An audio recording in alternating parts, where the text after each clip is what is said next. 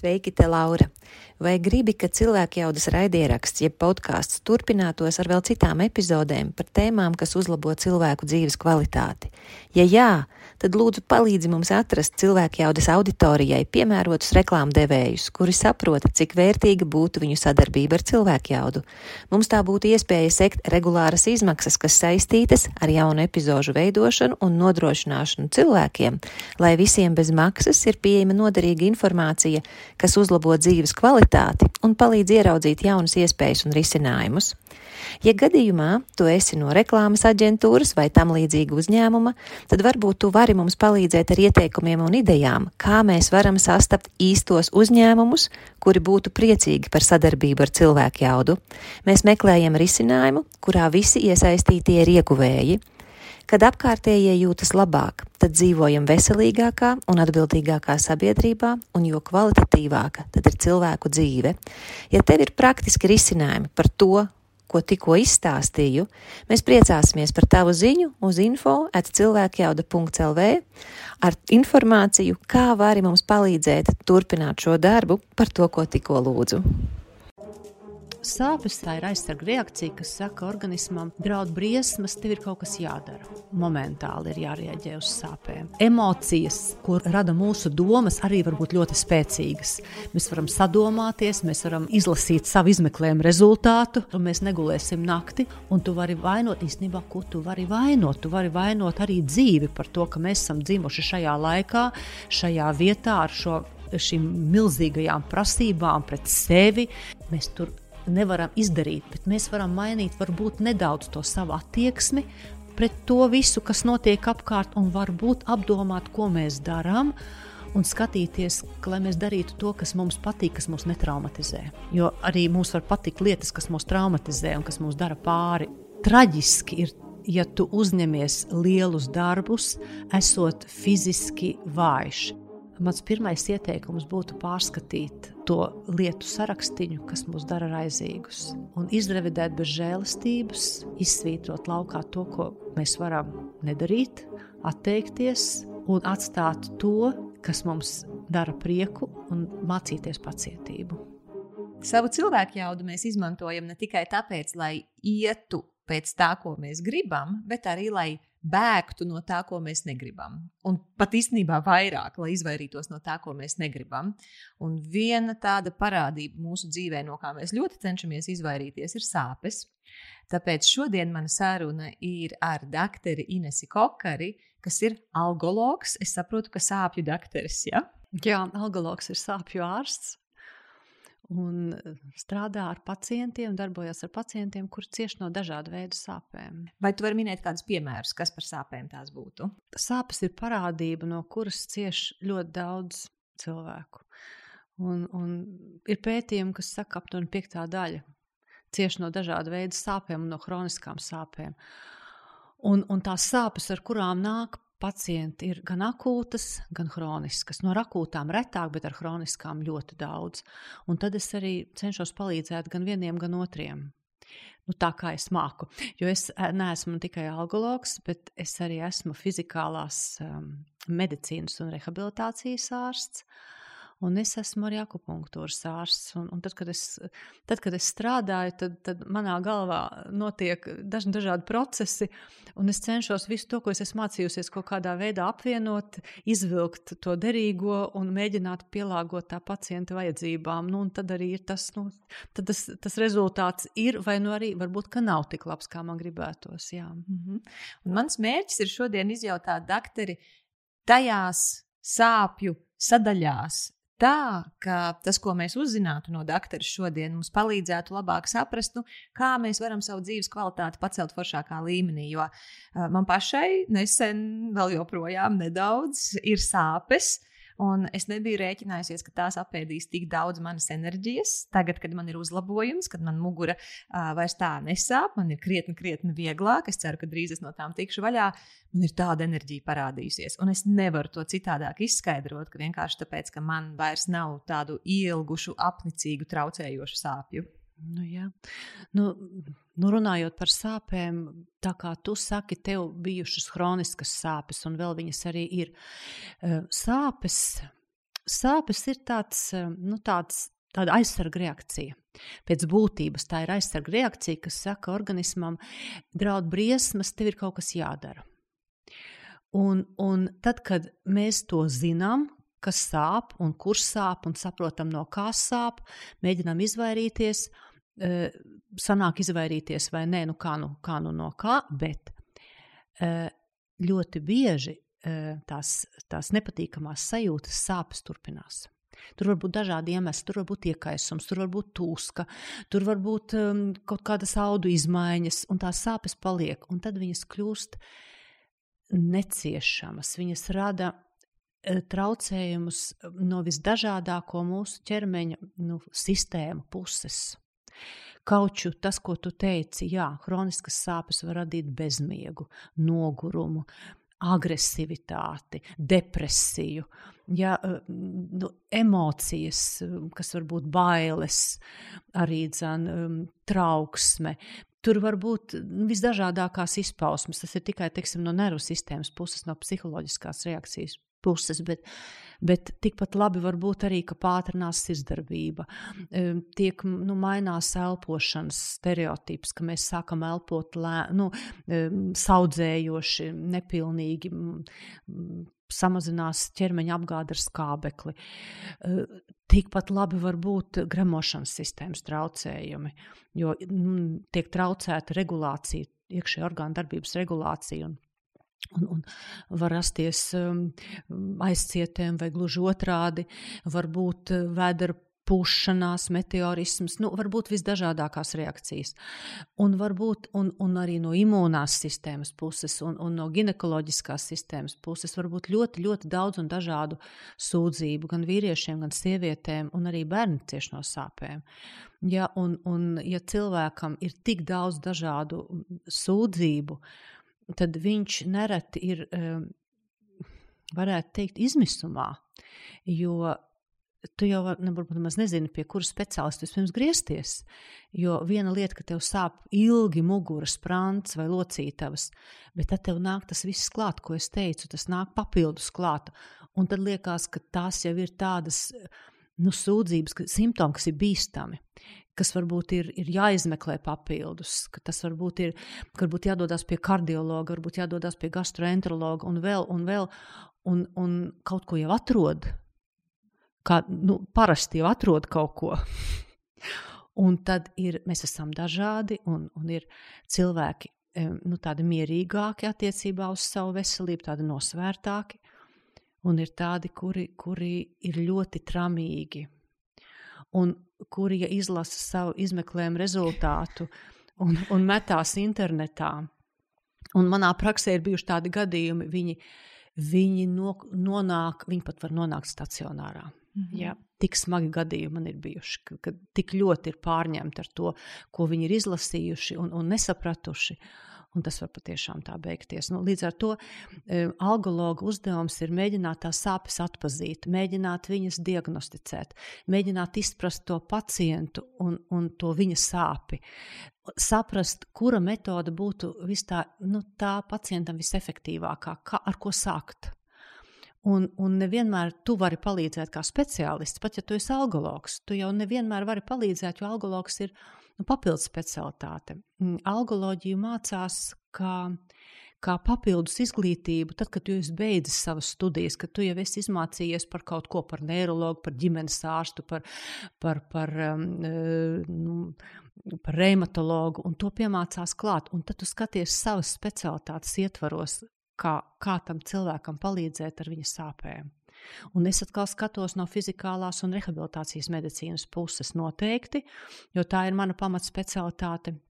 Un tur ir ļoti, ļoti daudz līdzekļu, eh, kā varētu palīdzēt, ļoti daudz to tehnoloģiju, kā saka, un intervenciju, un arī no akupunktūras puses.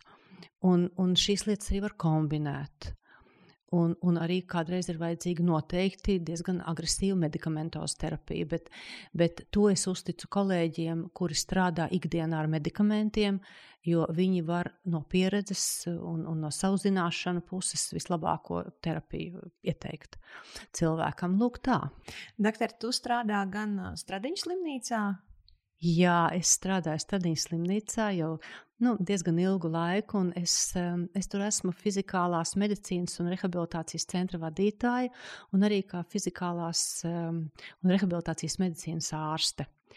Un, un tur es strādāju um, nu, veidojot rehabilitācijas nu, pakalpojumu grozu, programmas, stratēģiju, sadarbojos ar kolēģiem un mēģinu virzīt mūsu rehabilitācijas nu, Eh, centru uz pierādījumiem balstītas medicīnas pusi ļoti. Jo nav jau noslēpums, ka ka zāļu efektivitāte ir lielos pētījumos pierādīta, un tur var tā drošu sirdi teikt, ka jā, šīs zāles der. Bet, ja man pasaka, ja man pajautā, vai, vai staigāšana uh, ar basām kājām par asotu zāli palīdz vai nē, nu, es tā apmulsīšu, ja ir kāds pierādījums, vai ir, vai ir, vai ir veikti pierādījumi, vai to, ka saules gaisma ir vērtīga cilvēka veselībai, vai ūdens procedūras ir labas un vērtīgas. Un galu galā, vai, nu, vai zobus mazgāt no rīta ir uz pierādījumiem balstīta intervence. Nu, bet tā rietumu medicīna tagad uz to visu skatās. Lai tas Jā. būtu. Lai tas būtu, un no vienas puses tas ir ļoti, ļoti labi, jo tas racionalizē medicīnu, tas padara viņu uh, ārkārtīgi mm, schematisku, mm, eh, pamatotu, izmaksās efektīvu, eh, arī mm, zināmā mērā saprotamu, bet no otras puses tas var būt, ka neļauj pietiekoši praksē izmantot tās metodes, kuras ir empiriski, nu, ka tu zini, ka viņa palīdz, bet skatoties vadlīnijās un lielajās datu bāzēs, tu neatrodi pierādījumus, jo tie pētījumi vai nu viņu nav, vai arī viņi ir mazi, vai viņi arī neatbilst tām prasībām, kā tos pētījumus veids. Un, un tad tu tā iesaki, bet nu, tā sirsniņā jau tā um, nedaudz tā tramīgi ir. Ja? Vai, vai kolēģi to arī sapratīs, ka nevienmēr visas rehabilitācijas programmas sastāvdaļas ir tās, kurām patiešām var atrast lielajās datu bāzēs uh, tos pierādījumus. Bet, doktor, bez darba Stradiņu slimnīcā tev ir arī sava privāta prakse. Tev ir Jā. savs medicīnas centrs. Un, uh, kas bija tas iemesls, kāpēc bez šī darba es zinu, ka stradiņu speciālisti ļoti bieži viņiem ļoti patīk tas darbs, ko viņi dara stradiņos. Jo nu, tā, tie cilvēki, kas nāk, kam ir vajadzīga dažāda veida palīdzība, tas kā paplašina ļoti redzesloku. Tā man viņa stāsta. Jā. es nezinu. Jā, lielai slimnīcai ir liela elpa. Jā, tā ir. Un tu tur jūties vidū, notikumu vidū. Un, un, un tad tu saproti savu vietu un, un savas medicīnas vietu. Bet uh, uh, man jau arī ļoti ilgus gadus ir, ir uh, sava privāta prakse, kur es nodarbojos ar to, ko es nu, nevaru strādāt slimnīcā, tāpēc ka tur ir citi pienākumi, tā ir akupunktūra. Un, un, un pat labāk mēs un, un mana meita, kas ir man milzīgs palīgs, un viņa ir Es gribētu teikt, gan, gan skaista, gan gudra. Nezinu, no kurienes tas ir. un, un viņa, viņa ir tā, kas arī iedrošināja, jo viņa ir jurists. Viņa zina eh, ļoti labi tās lietas, kuras es nemaz nepārzinu, un arī nemaz negribu pārzināt, jo tas nav mans. Un viņa ierosināja, ka, ka, ka varētu mēģināt veidot medicīnas centru, kurā Viņa varētu arī savu nerealizētu sapni piepildīt, jo viņa tagad man pārmet, kāpēc es eh, neatbalstīju viņas, nevis neatbalstīju, nē, bet nemudināju viņu eh, mācīties par ārsti. Viņa saka, kāpēc? Nē, māma, Bet es saku, nu, tu beidz Rīgas humanitāro gimnāziju, un tā bija tā izvēle. Tur nebija ne ķīmijas, ne fizikas, nekas tāds, kas tev būtu bijis nu, nepieciešams. Nu, tagad viņa ir medicīnas centra Medfiks. Nu, varētu teikt, dvēselīte. Viņa tur ir un viņa tur dara visu. Un, un viņa, es domāju, viņa ir laimīga, jo viņa arī, viņa arī redz pacientus.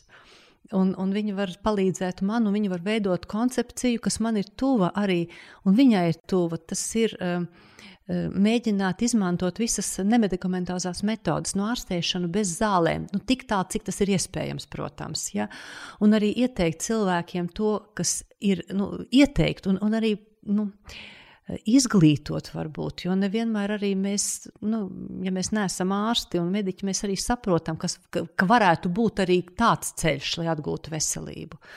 Nu, lūk, un, un tad viņa, viņa veido arī šī centra koncepciju un, un veido, veido to ārstu un ārstniecības personu loku. Un, un, un tas ir viņas, nu, tas viņas lolojums. Un es tur, un es tur um, faktiski eju tā, nu, tā, kā ārsts tikai. Ja, un, un man arī tas ir milzīgs atvieglojums, jo es eju strādāt to darbu, ko es mīlu.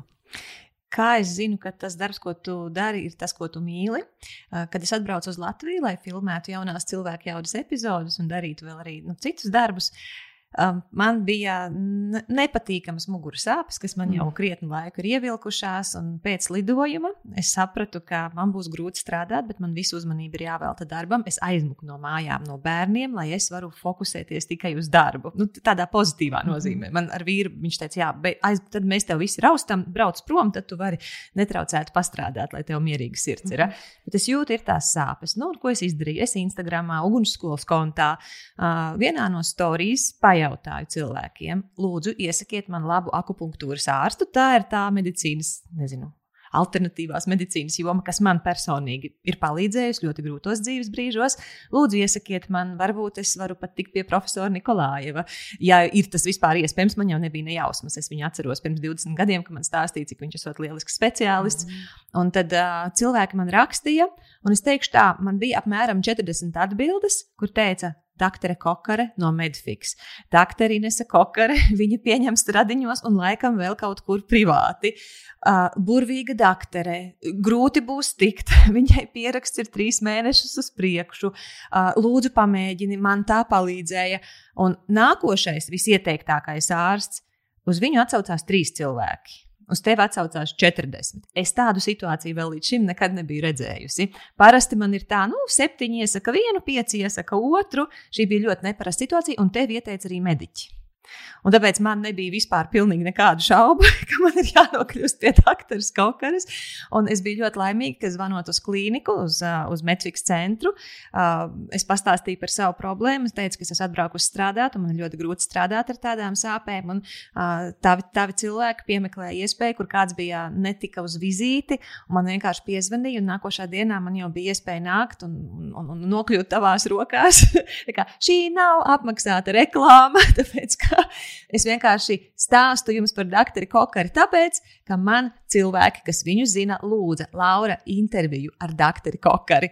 Un es beigās pašā saņēmos un palūdzu doktorai, vai mēs varam izveidot šo interviju. Tad mans jautājums tev ir tāds, kas ir tās lietas, ko mēs cilvēki parasti nepareizi saprotam par sāpēm, jeb pārprotam to, kas mums būtu jāzina par sāpēm? Visbiežāk mēs nenovērtējam sāpes. Un ko tas nozīmē? Mēs uh, mēģinām uh, gaidīt. Varbūt, ka sāpes pāries pašas no sevis. Es paceļu roku. Es uh, gaidīju divus ar pus mēnešus, kad sāpes pāries pašas Jā, no sevis. Un viņas nepārgāja, un viņas atrada savu ceļu smadzenēs. Un viņas jau sāka tur ieperināties, ja tā drīkstētu teikt. Uh, jebkuras sāpes, ja viņas neārstē uzreiz, viņas, viņām ir tendence hronificēties. Un tad, ja šīs sāpes um, ieparinās, tad jau ir jāārstē ne tikai bojājuma vieta, kas ir nu, ķermenī, kaut kur, kaut kas tāds nu, - elkonis vai jā, cēlis. Jā, bet arī dzen, jau ir nepieciešama, nu, varētu teikt, kaut kāda psihosomatiska terapija. Psihosomatiska terapija nozīmē to, ka mums arī jāiedarbojas ar psiholoģiskām intervencijām. Mums vajag um, pacientam uh, vispirms jau stāstīt par to, ka nu, es tādu ļoti, ļoti tādu smagu gadījumu, ka tās sāpes, varbūt pat tas, uh, tā vieta, kur tas cilvēks um, ir primāri jutis tās sāpes, varbūt viņi vairs nav pie vainas. Bet pie vainas ir, ir tie smadzeņu centri un, un tās, tā nesakārtotā, jeb tā disfunkcija, kas radusies smadzenēs, kuras rezultātā jebkurš kairinājums, kas nāk no tās vietas, no tās bojātās vietas smadzenēs, jau tiek uztverts kā sāpes. Tā arī var būt, jo ir kļuvušas jutīgas, um, uh, kļuvuši ļoti jutīgi nervu gali, tie receptori, kas uztver sāpes, ir nociceptori. Viņi ir tā kā. Uh, nu, tā kā, tādi sakairināti sarksuņi, kas rej uh, uz katru, uh, es nezinu, tur ēnu, kas, kas parādās uz ielas, bet, bet uh, nevis uz īstu ienaidnieku vai uzbrucēju savam īpašumam. Un, un tas ir tas traģiskākais, ka to jau ārstē patiešām, nu, to ir grūti ievārstēt, bet vienalga ir jārastē, bet ir grūtāk. Un kāpēc tas ir grūtāk ārstēt? Un kas tur ir nepieciešams, lai izdotos to ārstēt? Tāpēc, ka tā ir smadzeņu disfunkcija. Un ir medikamenti, ir, protams, ir medikamenti, un, un viņi ir jāpielieto, un viņiem ir sava vieta, bet pielietot viņus var ne visi cilvēki, ne visās situācijās, jo ir pacienti, kuri nepanes medikamentus, vai kuriem ir blaknes no viņiem, un, un kuri arī e, ir ar savu nostāju, ka viņi arī nu, nevēlas medikamentozu terapiju. Un, un visos šajos gadījumos ārstam, algologam ir jāsaprot, vai cilvēka bailes ir pamatotas vai nepamatotas. Un tajos gadījumos, ja tās ir nepamatotas, tad ir noteikti jāiedrošina lietot medikamentus, ja tas ir nepieciešams. Un šie medikamenti ir jālieto kādu laiku, viņus visu laiku arī ir ļoti grūti lietot. Diemžēl ir situācijas, kad cilvēkam ar chroniskām sāpēm medikamenti ir jālieto gadiem un jālieto daudz medikamentu. Un, Un, un šo situāciju um, gribās risināt ar citām metodēm. Arī nu, tā instinktīvi gribās risināt, ka nu, nav tā, ka tikai ar medikamentiem. Nu, tad ir fizikālā terapija, noteikti tās ir visas fiziskās aktivitātes, noteikti, un arī akupunktūra, jo. Mm, Tu teici, ka akupunktūra ir e, kā, alternatīvā alter, medicīna. Nē, akupunktūra vairs nav alternatīvā medicīna. Tas ir Latvijā, viņa skaitās kā daļa no viņa jau ir, jā, viņa jau ir e, pārkāpusi to atzīšanas slieksni. Tā ir atzīta medicīna. Un, un pētījumu, kas pierāda viņas efektivitāti tieši uz smadzeņu uh, centru regulāciju. Šie pierādījumi ir gūti bet smadzenes ir ļoti, ļoti sarežģītas. Un līdz ar to um, arī šie pētījumi ir ļoti sarežģīti. Bet tomēr nu, um, viennozīmīgi akupunktūra spēja risināt ļoti daudzas problēmas, jo viņa iedarbojās gan uz ķermeni, gan arī uz smadzeņu darbību, modulē smadzeņu darbību un, un iedarbina tās augtās mm, antinociceptīvās sistēmas, nu, smalks vārds, bet, bet tās ir tās dabiskās sāpes mazinošās sistēmas cilvēka smadzenēs, kuras kaut kādu iemeslu dēļ nestrādā vairs tik labi hronisku sāpju pacientam. Un akupunktūras, akupunktūras rezultātā notiek izmaiņas smadzenēs, un cilvēki sāk uh, nu, kļūt mazāk jutīgi pret tiem kairinātājiem, kuri ir parasti kairinātāji. Un sāpes lēnām, lēnām atkāpjas vai vismaz mazinās. Vai nav tā, ka viena daļa no mums pat nezina, ka mums ir chroniskas sāpes? Es piemēru minēšu. Pagāja vairāk kā divi mēneši, kad es nonācu tādā diezgan lielā izmisumā, kad man bija sācinājums ar sāpēm. Viņas tā kā visu laiku mazinājās, man likās, man tūlīt kļūs labāk, un tad negaidīti atkal sāp vairāk. Un nav pat tā, ka es kaut ko baigi būtu darījusi, nu, ka es tur zinātu, es tur pārtrenējos vai vēl kaut kas. Un es tajā savā izmisumā aizgāju, tā kā es teicu, akupunktūra man palīdz. Es aizgāju Cīrihē pie, pie ķīniešu medicīnas uh, doktora, arī vēl no Ķīnas. Uh, tur tas skaitās alternatīvā medicīna, bet uh, nu, viņi arī dara kā parasto mediķu darbu. Bet nu, manā gadījumā tā bija alternatīvā medicīna. Un viņš man jautā, cik sen man tas ir? Un es viņam saku, oi, nesen, divi mēneši. Un tad viņa reakcija bija tik ilgi, tu tā kā tik ilgi mm. mocījies. Jā, nu tā ir tā veselība, pratība, kura mums klibo. Jā, un, un droši vien jau, ka, tā, ka šīm sāpēm, kas tev ir, ka viņām ir arī kaut kāds iemesls, kas ir palicis līdz galam, varbūt nenoskaidrots. Un es silti ieteiktu tev tomēr tomēr noskaidrot šo sāpju iemeslu. Jo, jo kā jau es teicu, akupunktūra iespaido ļoti, ļoti tos procesus, kas notiek galvas smadzenēs. Bet, eh, kā tu pamanīji, es nedūru adatas tur, kur tev sāp. Jā, un es domāju, kas tā par ārstēšanu, bet, nu, jā. labi, doktori zina labāk, es te paklusēšu. jā, un tas efekts tiek sasniegts pilnīgi caur citiem, caur citām ķermeņa daļām. Un, un, bet tomēr tā vietiņa ir, eh, viņai ir jāpievērš uzmanība. Un, un tad, kad tu, um, tad, kad tu pabeigsi kursu pie manīm, eh, tad noteikti mēs izrunāsim tās lietas, kas būs tavs mājas darbs, mm -hmm. kas būtu jāizdara. Es esmu pats apriecājusies par to. Man ļoti interesanti. Tad, kad tu teici, sāpes ieparinās smadzenēs, Mm, jā. man tā šķiet, nu, tas tā ļoti bīstami. Tur kaut kas ieperinās, un es tagad nezinu, kā ar to tikt galā. Kas ir tā lielākā kļūda, ko mēs pieļaujam, ka tā sāpju ieperināšanās smadzenēs, ka mēs viņu laicīgi neapturam? Es gribētu teikt, ka te e, e, ļoti liela loma ir, e, mm, kā jau es minēju, veselība pratībai. Mm. Ja, jo uz sāpēm ir jārēģē ātri momentāli ir jārieģē uz sāpēm. Ja mēs eh, vēršamies eh, pie ārsta un eh, akūtu sāpju vai sāpju, kas ir nesen sākušās, mēs veicam izmeklēšanu, mēs noskaidrojam uzreiz sāpju cēloni un uzreiz aktīvi sākam viņu ārstēt, mēs nepieļaujam vai mazinām to iespēju, to risku, ka sāpes kļūs chroniskas.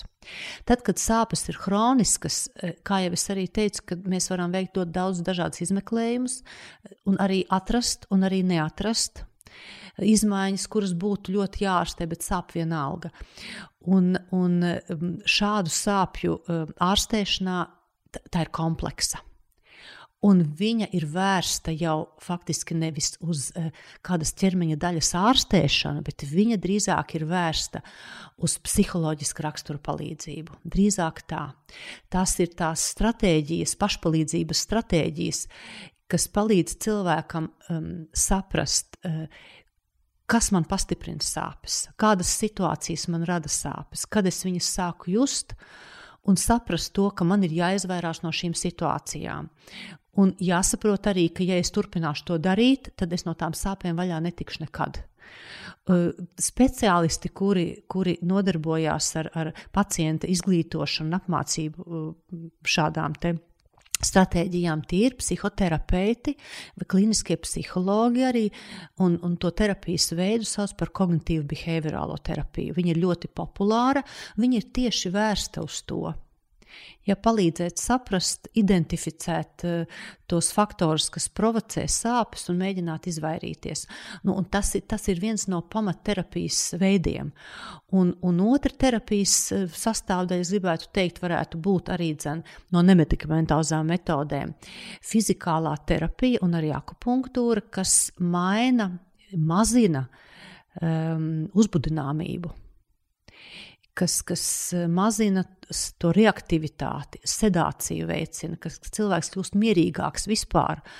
Un, un ir metodikas, un ir, ir eh, dažāda veida metodikas un, un tehnoloģijas, es arī varētu tā teikt, kuras var pielietot, ir Latvijā apstiprinātas arī, dzen, eh, un, un tās ir dažādas.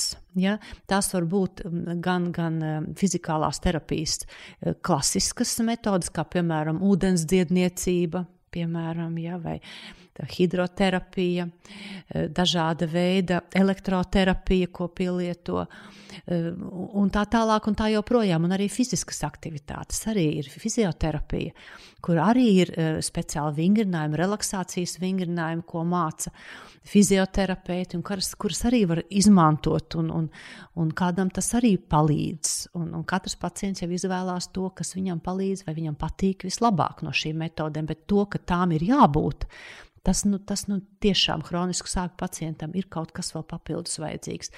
Un tās rehabilitācijas programmas, kas ir intensīvas, ļoti mērķiecīgi orientētas uz kādu noteiktu ķermeņa daļu ārstēšanu, viņas nevienmēr ir efektīvas.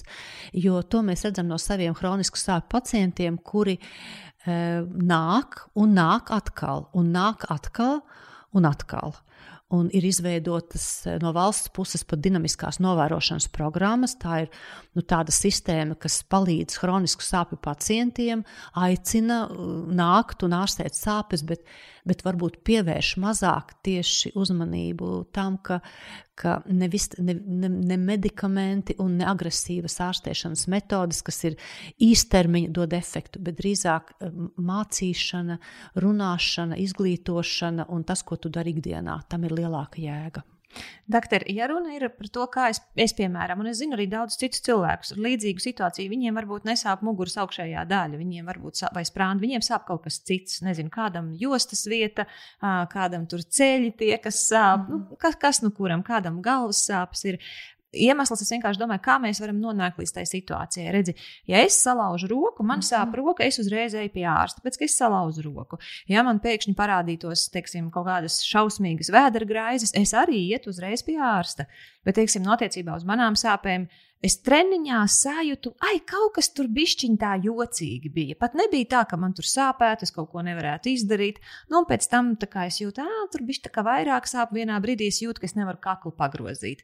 Un es pat nevaru pateikt, ka tas noteikti bija tieši tas notikums. Es tikai zinu, ka laikam otrajā dienā es tiešām tā kā tāds onkulis Adams, kas tur tādā ierauta pleci, galva, galva ierauta plecos, nu, kas nevar ne pa labi, ne pa kreisi pagriezt galvu, nevar braukt ar mašīnu, nevar braukt ar, ar velosipēdu. Un tad man liekas, nu, tas tad laikam laikam bija treniņā atpūtīšos. Arī treneris saka, nu, tev tur nekas tāds nenotika, nu, tu atpūtini muskuļus, un tas pāries. Nu, es tieši tā arī gaidīju, un sāka kaut kas pāriet, galva var sākt pagriezt. Un es vienkārši skatos arī nu, pēc saviem paziņām, kuriem ir tās nu, citādāka veida sāpes. Ka cilvēki saka, nu, tā kā paliek labāk, bet nepaliek pavisam labi, jo projām kaut kas bremzējās. Es eju pie ārsta, neko īsti nu, nevaru atrast. Man liekas, ka tā jau ir tā problēma, ka mēs nevaram identificēt, bija tieši tas notikums, un no turienes tieši sākās tas sāpes. Un ir īpaši ir uzlabojumi, un tad no kā ir atkal kaut kādi kritumi. Jā. Mm, es varbūt mēģināšu atbildēt nedaudz plašāk. Un, un, um, Došu piemēru, ko dzirdēju kādā konferencē, mm, tāda ļoti tāda zināma um, meistara, skolotāja Pītera Dedmana, um, kurš ir nu, kurš lielu savas dzīves daļu veltījis tieši pacientu mācīšanai. Un, un, un viņš teica, tā, nu, iedomājieties, mm, ka, ka veselība, nu, tas, kā jūs jūtaties, Tas ir līdzsvars stāvoklis, tas nav nekas tāds konstants, kāds ir klintī iecirsts, ka tas līdzsvars stāvoklis uh, ir kā krēsls ar četrām kājām. Man ļoti patīk šis salīdzinājums. Tas četras kājas, un, un ja šīs kājas ir vienāda garuma, tad krēsls ir stabils. Nu tā, nu, krēsls parastais. Bet kas ir šīs kājas? Ja, un šīs kājas ir četri stūrakmeņi, kas līdzsvaro mūsu ķermeni un sniedz mums to sajūtu, ka mēs esam veseli. Uh, viena no kājām ir um, uzturs. Uzturs ir ļoti būtisks. Uzturs nedrīkst būt ne pa daudz, ne pa maz. Tam ir jābūt pilnvērtīgam un sabalansētam un visam tam, ko, ko, ko, ko stāsta uzturs speciālisti un dietologi. Un, un tas ir patiešām ļoti, ļoti būtiski, jo uzturs ir mūsu enerģijas avots. Uzturs ir tas, ko mēs saņemam, ko mēs pārstrādājam, ko mēs izmantojam un ko mēs izvadām. Uztura kvalitāte nosaka zināmā mērā arī mūsu dzīves kvalitāti un tas, ko mūsu šūnas dabū, to, ko viņas apēd. Tā ir viena kāja. Otra kāja ir miegs. Miegs ir būtisks, jo miega laikā atjaunojās mūsu rezerves, miega laikā smadzenes padara savu darbu, atpūšas, iztīrās. Miegs ir vajadzīgs uh, spirktumam, enerģijai un arī zināma daļa mūsu iekšējo sekrēcijas dziedzeru, arī hormonu sintēzē atbilstoši miega, nu, miega un nomoda fāzēm, kas ir ļoti, ļoti būtiski. Tā ir otra kāja. Trešā kāja ir fiziskas aktivitātes. Fiziskas aktivitātes ir. Viņas nedrīkst būt arī nepamaz, jo tad mēs zaudējam gan fiziskās formas, gan arī, gan arī slodzes eh, tolerances spējas. Tātad eh, fiziskās aktivitātes nevar būt pamaz, un arī pa daudz nevar būt. Un, un e, arī tur ir e, dažreiz jāmeklē traucējuma iemesls, jo nevienmēr mēs esam gatavi aktivitātēm, nevienmēr mēs izvērtējam savu stāvokli un to, ko mēs darām, lai tas būtu līdzsvarots, kādreiz izdarām pat daudz aizcentības, vai arī neiesildamies un, un ne, nepareizi izvēlamies vingrinājumus neatbilstošus sev, vai darām kaut ko, kas mums liekas, ka būtu labi, bet īstenībā tas ir kaut kas pasmelts no, no tādiem avotiem, kas varbūt nav ļoti ļoti ticami. Tā kā fiziskas aktivitātes ir tā trešā kāja. Un ceturtā kāja ir ļoti būtiska. Ceturtā kāja varētu viņu nosaukt par, par, eh, nu, par, mentālo, par mentālo sfēru, jo mūsu domas, mūsu prāts rada emocijas. Un jo mēs vairāk domājam, un mēs domājam ļoti daudz, mēs domājam nepārtraukti, mums dzīve ir tik ļoti sarežģīta, ka mums vienlaicīgi ir jādomā par ļoti, ļoti, ļoti daudziem uzdevumiem. Un Līdz ar to smadzenēm neatliek laika vietas, varbūt, lai apzinātu ne savu ķermeni, vai arī smadzeņu centros radās kādas disfunkcijas, nesakārtota darbība, emocijas, eh, ko rada, rada mūsu domas, arī var būt ļoti spēcīgas. Mēs varam sadomāties, mēs varam eh, izlasīt savu izmeklējumu rezultātu, ja mēs varam noskatīties raidījumu kādu, kas mūs ļoti satrauc, un mēs negulēsim nakti, un nav ko brīnīties, ka nākošajā dienā mūsu ķermenis būs alertāks, viņš būs jutīgāks pret to visu. Un tās, tā ir tā ceturtā kāja, tās ir tās domas, un, un tas, ir tas, tas ir tas, ko mēs iedomājamies, kas ir ļoti būtiska komponente, un tur neviens ārsts nevar palīdzēt, jo mūsu domās ielīst iekšā nevar. Tās ir mūsu domas, un tā ir arī zināmā mērā konstitūcija. Tā ir mūsu iedzimtība.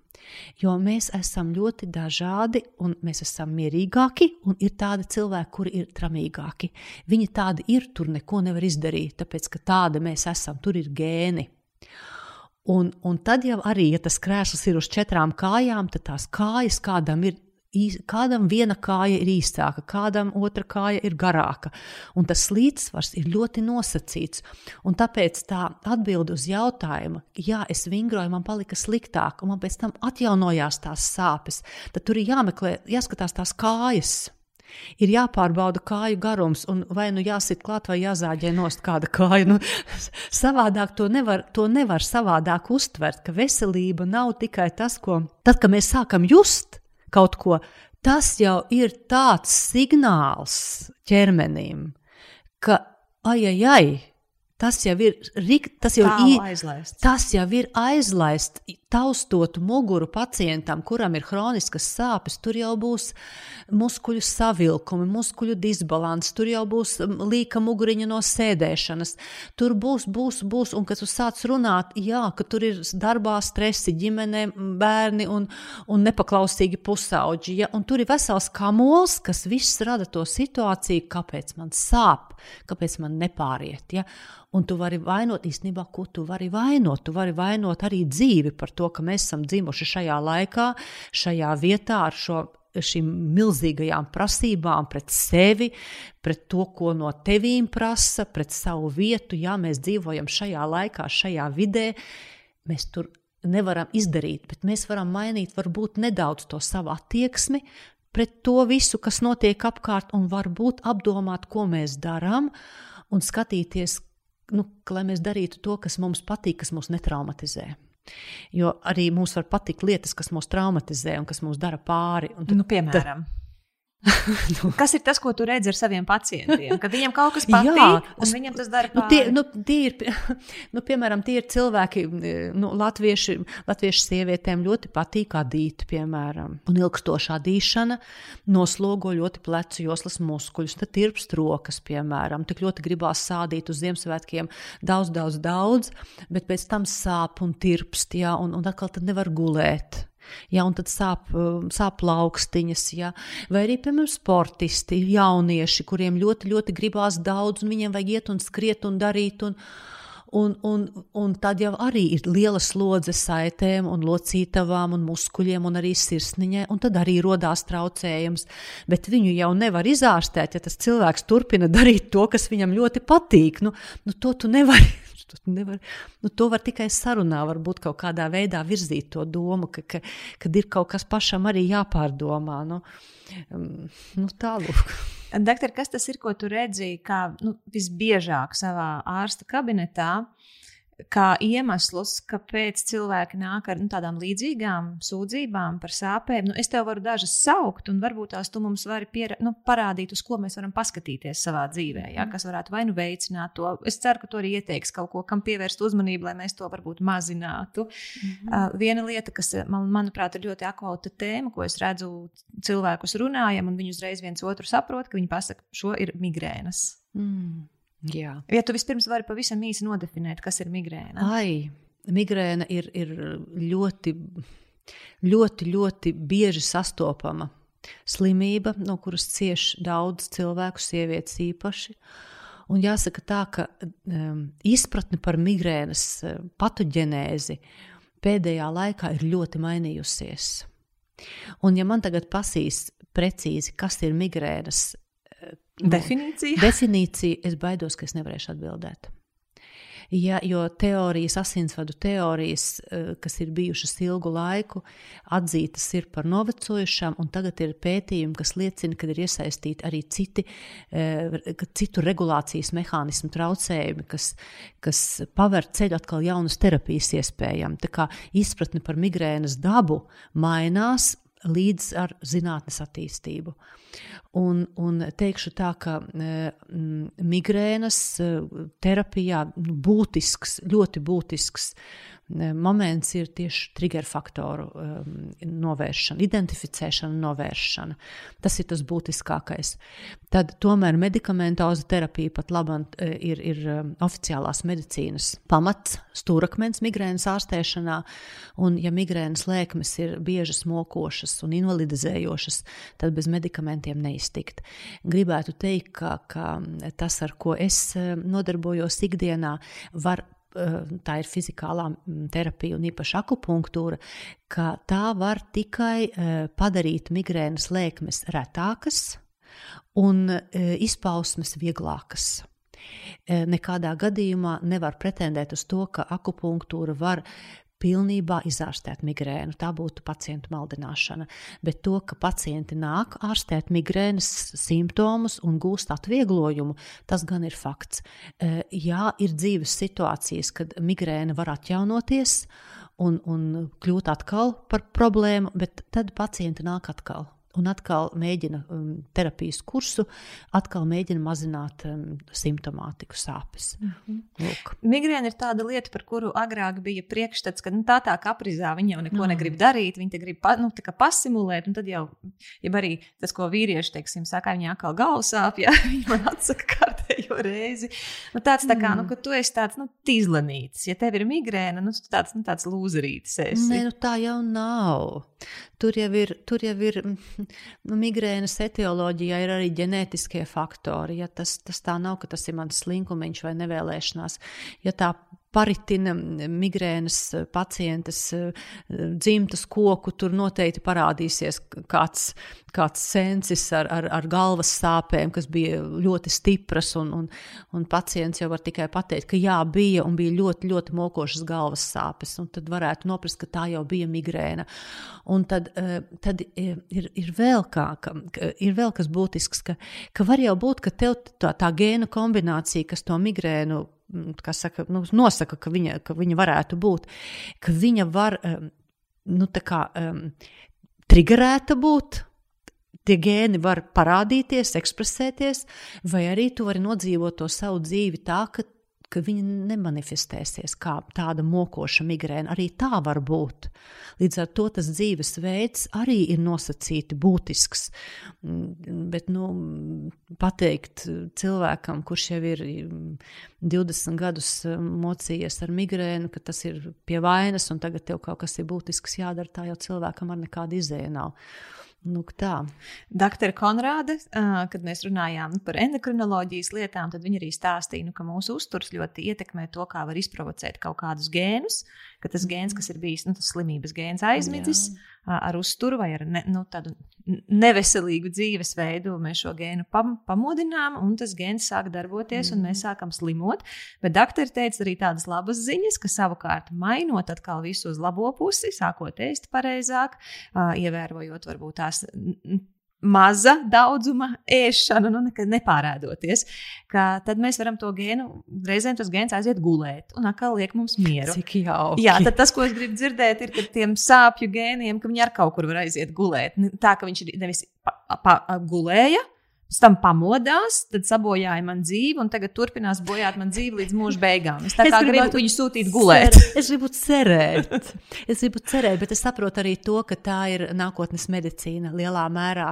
Identificēt tos gēnus cilvēkam, noteikti riska faktorus un dot padomu jau varbūt no mazām dienām. Faktiski tas jau būtu bērnam, nu, ja tas būs iespējams kādreiz veikt šo gēnu analīzi un identificēt riska gēnus un, un dot jau padomu mamām un, un viņiem arī profesijas izvēlē, aktivitāšu izvēlē, dot padomus, faktiski izprintēt tādu dienas grāmatu veselības, tā nākotnes medicīna. Es zinu, ka, ka ir bagātas valstis, kurās, um, kurās um, iedzīvotājiem ir mm, iespēja arī dzen, veikt šādu savu gēnu analīzi un iespēju robežās arī identificēt gēnus, kas rada tādas vai šādas slimības riskus, bet nu, tas nav pieejams mums visiem. Un, un un, un tā patiešām ir nākotnes medicīna. Bet tā ir cerīga nākotnes medicīna, jo tā ir, e, tā ir cerība tiem, kuriem ir iedzimtas retas slimības, arī dzēn kaut ko mainīt un, un, un, un palīdzēt. Man ir 42 gadi, un es ļoti ceru, ka tas attieksies arī uz mani. Šī nākotnes medicīna. Kā tu domā, kad tas varētu, nu, kā tu teiktu? Medicīna ārkārtīgi strauji attīstās ārkārtīgi. Tas tā ir, eh, tā ir pozitīva nozīme. Tā ir pozitīva, protams, lieta, bet arī negatīva lieta. Negatīva lieta iekš tā, ka ārstam ir milzīgas prasības to visu apgūt un pēc iespējas ātrāk integrēt kliniskajā praksē. Ārsti nespēja tikt ar to galā, jo viņi ir ārkārtīgi noslogoti. Ir ja tīpaši tie, kas strādā valsts sektorā, viņiem ir milzīgas prasības, un viņi nespēja sekot līdzi tik lielā mērā, cik tas būtu nepieciešams. Uh, jā, otrs tas prasa, tas prasa specializāciju. Tikko tu esi iekšā kādā ļoti, ļoti eh, šaurā sfērā, ļoti, ļoti specializējies, tu tomēr zaudē, um, zaudē to saikni ar, ar pārējām orgānu sistēmām, audiem un, un, un, un visu to, no kā cilvēks sastāv, kas viņam būtisks, kas ir ļoti būtisks arī. Mūsu medicīna ir ārkārtīgi specializēta, ļoti, un ir ļoti nedaudz ārstu, kuri, kuriem ir, ir laiks Um, un, un viņi atrauj to laiku sev, protams, tas ir uz viņu resursu rēķina, lai nu, savas profesijas ietvaros arī palīdzētu tieši to, ko, ar to, ko, ar viņi, to, ko viņi dara, bet arī dzen, nu, iegūtu plašāku skatu par to, kas notiek citos medicīnas lauciņos un mēģinātu to visu salikt kopā tādā, tādā līmenī attiecīgā. Un, un to, ka, ka nu, ir medicīnas nozare, kas, attī, kas attīstās ļoti, ļoti strauji, un ir varbūt tādas, kas, kas varbūt netik strauji attīstās, bet kurām arī ļoti, ļoti būtiski ir, ir integrēta ātrāk zinātni eh, medicīnā. Mm -hmm. Tā par migrēnām es pajautāju. Tagad es jautāšu, man liekas, ka vēl pat iespējams biežāk nekā galvas sāpes. Es no draugiem, paziņām, klientiem dzirdu muguras sāpes. Mm. Kas ir tas, ko, kā, kā rezultātā mēs iedzīvojamies tajās muguras sāpēs? mēs sēžam, mēs sēžam, mēs sēžam, mēs, protams, ka sēžam. Un, un sēžot ilgstoši, mainās um, mugurkaula biomehānika, mainās apziņošana. Daudzas lietas nenotiek vairs tik ļoti labi, kā gribētos. Mainās tas, kā mēs elpojam, mēs sagumstam. Es pat ar tevi sēžu. Jā, es jau tevi atvainojos. Jā, jā, jā, jā.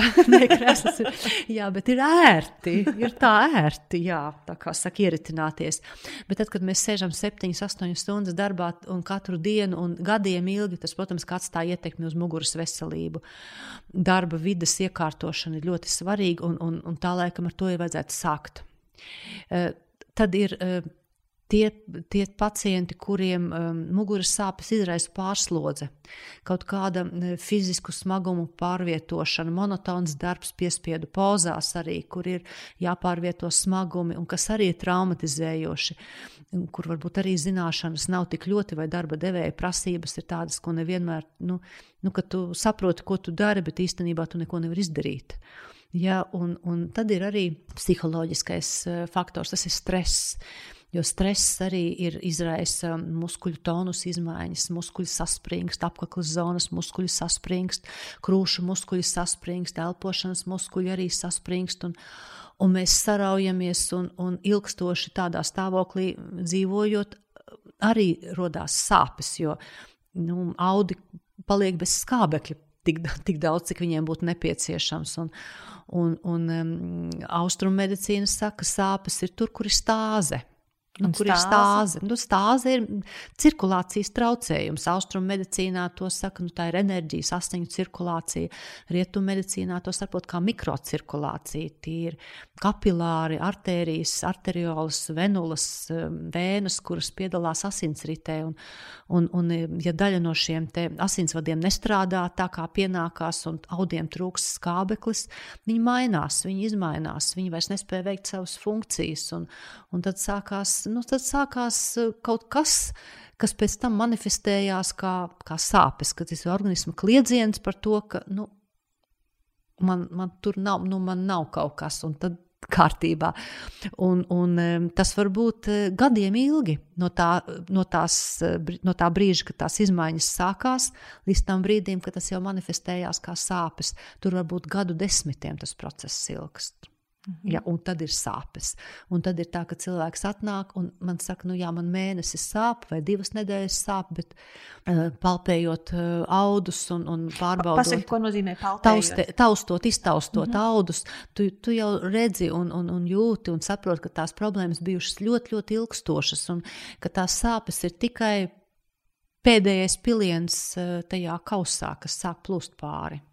Nu, mans tāds liels tagad, wow, no tā, ko tu pastāstīji, ir, ka šis saspringums, stresa iet, ietekmē ka mē, mēs saspringstam, mm -hmm. un tad mūsu ķermenis tajās vietās nedabūna pietiekami daudz skābekļa. Un es tev lūkšu vairāk par to pastāstīt. Jā. Jo viena lieta ir, es aizgāju, piemēram, pārtrenējos, man tāpēc sāp mugura. Ja? Vai es tur, teiksim, cēlu abus savus bērnus reizē, man tāpēc sāp mugura.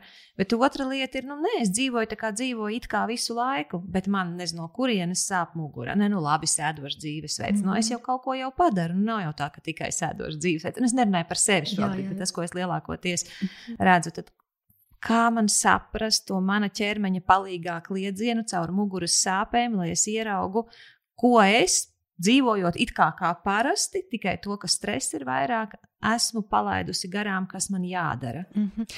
Es varbūt um, gribētu um, brīdināt ka mm, sāpes patiešām ir brīdinājums signāls. Ja? Tas, ir, tas ir uh, signāls ķermenim, ka kaut kas nav kārtībā, bet sāpju cēloņi var būt dažādi. Un sāpes var būt patiešām muskuļu saspringzinājuma izraisītas, bet tikpat labi sāpes var būt kā signāls, ka ir nospiesta nervu saknīte, piemēram, kāda, kur nervu saknīte ir nospiedis kāds patoloģisks process, pavisam nevēlams. Un, un mēs to nezinām. Un tāpēc, ka ja sāpes ir um, parādījušās un nepazūd pašas no sevis, un ja tas dzīvesveids nav hektisks un nav tā, ka ir ļoti daudz visu kaut kā, tad uh, iespējams, ka tomēr jāmeklē ir uh, palīdzība pie ģimenes ārsta, jo ģimenes ārsts ir tas pats pats pirmais, tas ir tas cilvēks, kurš ir uh, ar izglītību, un viņš ir ļoti, ļoti daudz mācījies, lai varētu saprast, vai, nepiec, vai ir nepieciešama izmeklēšana, vai ir nepieciešams pievērst uzmanību šādām sāpēm. Eh, ja, ja viņš saka, ka eh, ejiet un eh, apmeklējiet fizioterapeitu, kurš jums notestēs muskulatūru, apmācīs jūs vingrot pašai, pastāstīs, cik daudz jāvingro, kad jāvingro, ar ko jāvingro, un, un dariet tā, kā viņš saka, tas ir ļoti, ļoti, nu, tas ir tas, tas, ir tas kas būtu jādara, vai jāapmeklē basēns, vai, vai nu, jebkas tas, kas jums sagādā prieku prieku, bet ne pa daudz. Bet varbūt ģimenes ārsts grib paskatīties, varbūt ir vajag mugurkaula izmeklējumu veikt, vai varbūt vajag ultrasonoskopisku izmeklējumu, vai tas ir ārsta ziņā.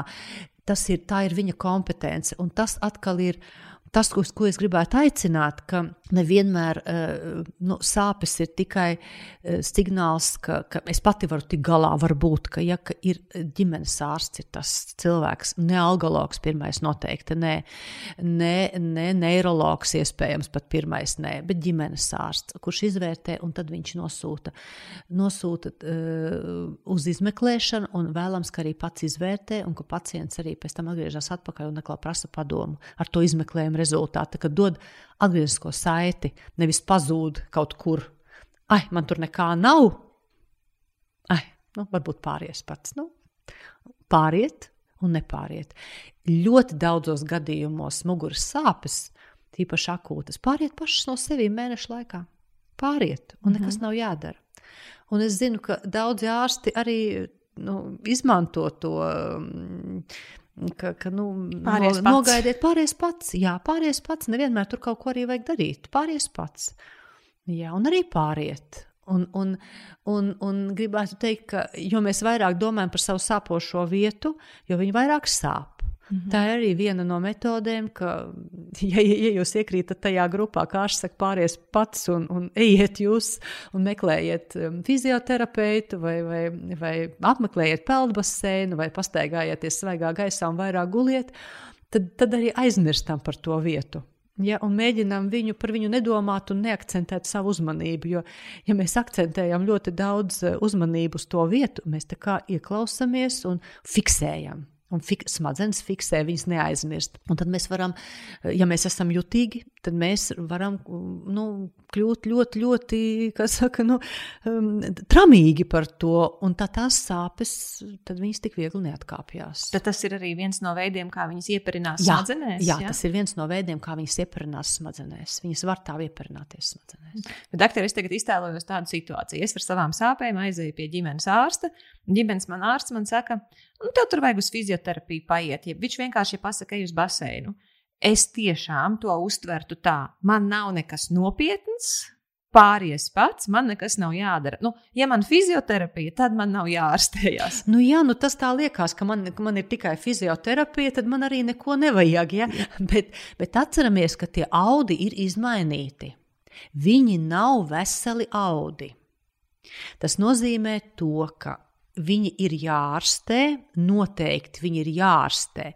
Un tā ārstēšana izmainītiem audiem, viņai ir jābūt noteikti kompleksai. Man, manā skatījumā, nu, tā nav tikai viena fizioterapija. Piemēram, fizioterapija ir ļoti, ļoti laba, bet, ja, piemēram, tev stipri sāp, un tur ir iekaisums, Tad ar fizioterapiju tu iekaisumu var būt, vari mazināt, bet tu viņu nevar likvidēt. Nu, tas, tur ir tūska, tur ir, tur ir eh, bioloģiski aktīvās vielas, tur ir visādas vielu maiņas gala produkti, tur ir viss kaut kas tajā iekaisumā. Tur vajag cita veida terapiju. Un te ir ļoti, laba, eh, ļoti labs veids - fizikālā terapija. Fizikālā terapija tā ir um, ārstēšana ar dabas faktoriem, ar fizikāliem faktoriem. Tā ir elektrība, magnētiskais lauks, tā ir gaisma, tā skaitā lazerterapija. Uh, fizikālā terapija arī dzen, ir dažāda veida uh, balneoloģiskās procedūras, piemēram, kas varbūt ir piemirstas, bet Latvijā ir kurortoloģijas tradīcijas. Kas tas ir? Uh, nu, Latvijā, Latvija ir kurorta zeme, vismaz mm -hmm. bija kurorta zeme. Mums ir minerāli ūdeņi, mums ir ārstnieciskās dūņas. Un, un šie faktori arī no izseniem laikiem tika izmantoti sāpju ārstēšanā. Tā skaitā arī muguras sāpju, locītavas sāpju ārstēšanā, kursa veidā šīs procedūras notiek. Eh, pat labāk Latvijā mm, nu, atsevišķi spā centri eh, varbūt piedāvā kaut ko tādu, un arī kurorta rehabilitācijas centrs Jaunķemēri. Tur arī ir eh, dabiskie minerālu ūdeņi, tur ir dūņas, un viņi integrē šos te valsts neapmaksātos gan um, luksus pakalpojumus rehabilitācijas programmā, ja pacients var samaksāt. Tas maksā, bet ilgtermiņā tas atmaksājās. Jo, jo mm, skopais maksā divreiz. Mm. Un, un ārsts, kas iesaka visas šīs procedūras, kā kombinēt, kā, kā salikt, ko vajag, ko nevajag, kas ar ko iet kopā. Tas ir fizikālās un rehabilitācijas medicīnas ārsts, jo viņš īpaši mācās um, nu, šo nozari, visu to, ko mēs izmantojam, lai to mācētu gan salikt kopā, gan novērtēt, izvērtēt, un, un ieteikt un aprakstīt. Un, un tā ir šī specialitāte, kurā es strādāju. Tā kā šī fizikālā terapija Kurortoloģija, balneoloģija, tā ir tīpaši kurortoloģija, balneoloģija, tā ir Latvijas bagātība, to var izmantot, uh, bet, bet um, no nu, attiecībā uz citām intervencēm. Tur jau ir mūsu speciālisti, fizioterapeiti, kas ir palīgi, arī ļoti, ļoti mācīti un gudri. Gribu vērst uzmanību, ka fizioterapeiti arī ir atšķirīgi ar savu izglītību. Ir tie, kas ir vērsti uz slimību ārstēšanu, Un tie ir fizioterapeiti, kas beidz um, Rīgas Stradiņu universitāti. Un ir fizioterapeiti, kas ir vairāk uz sporta fizioterapiju orientēti, kas ir, kas ir um, atkal ar sava veida uh, tādu akcentu izglītībā. Tā kā, ja ļoti sāp mugura un ir izmaiņas mugurā, kas ir nu, arī izmeklētas un ir zināmas, tad e, varbūt sporta klubā nevajadzētu meklēt palīdzību. Ja, tāpēc, ka tur fizioterapeits viņam ir ikdienā cita, pro, cita cilvēki, viņš strādā cita veida klientiem. Bet vajadzētu meklēt fizioterapeitu, kas strādā ārstniecības iestādē e, vai arī privātu praksē, kurš nodarbojās ar, ar nu, kuram katru dienu ir pacienti ar, ar nu, es negribēju teikt, slimi pacienti, bet pacienti, kuriem nu, sāp mugura un kuriem ir varbūt izmaiņas, un viņi zina vislabāk. Tā kā m, fiziskas aktivitātes, fizioterapija uh, ir ļoti būtiska, bet viņai ir jābūt uh, adaptētai individuāli. Tas ir atslēgas vārds, individuāli adaptētai. Un, un, eh, ja mēs ejam uz kādu sporta nodarbību, klubā, tad grupas nodarbībās fizioterapeits, kas vada nodarbību, vai sporta treneris, viņš jau vada vidēji vidējam pat, klientam. Viņš nezina jūsu specifiku, viņš nezina, ka jums ir savilkts uh, sprants vai, vai, vai vakar mugura, vai, vai vakar, piemēram, galva negrozījās pa labi vai pa kreisi, un jūs tagad gribat kaut ko izdarīt labu, bet īstenībā jums iedod rokās hantelis, un jūs sākat cilāt hantelītes visu plecu līmeņu vēl vairāk sasprindzinot sprāndu, un tad ir nevis tā, ka palika labāk, bet ir tā, ka nākošā dienā jūs vispār neko nevarat izdarīt. Tāpēc, ka nebija adekvāts vingrinājums jūsu problēmai. Nu, un, un, un tā arī var būt. Varbūt tas ir arī tas gadījums, kāpēc arī pēc fiziskām aktivitātēm palika sliktāk. Mhm. Kaut arī bija cerēts, ka būs labāk. Eh, doktor, tu teici, mums diezgan vajag rēķināties ar savu ģimenes ārstu, diezgan vajag iet pie ģimenes ārsta. Es uzreiz saku, kur ir mana problēma, un ne tikai mana problēma.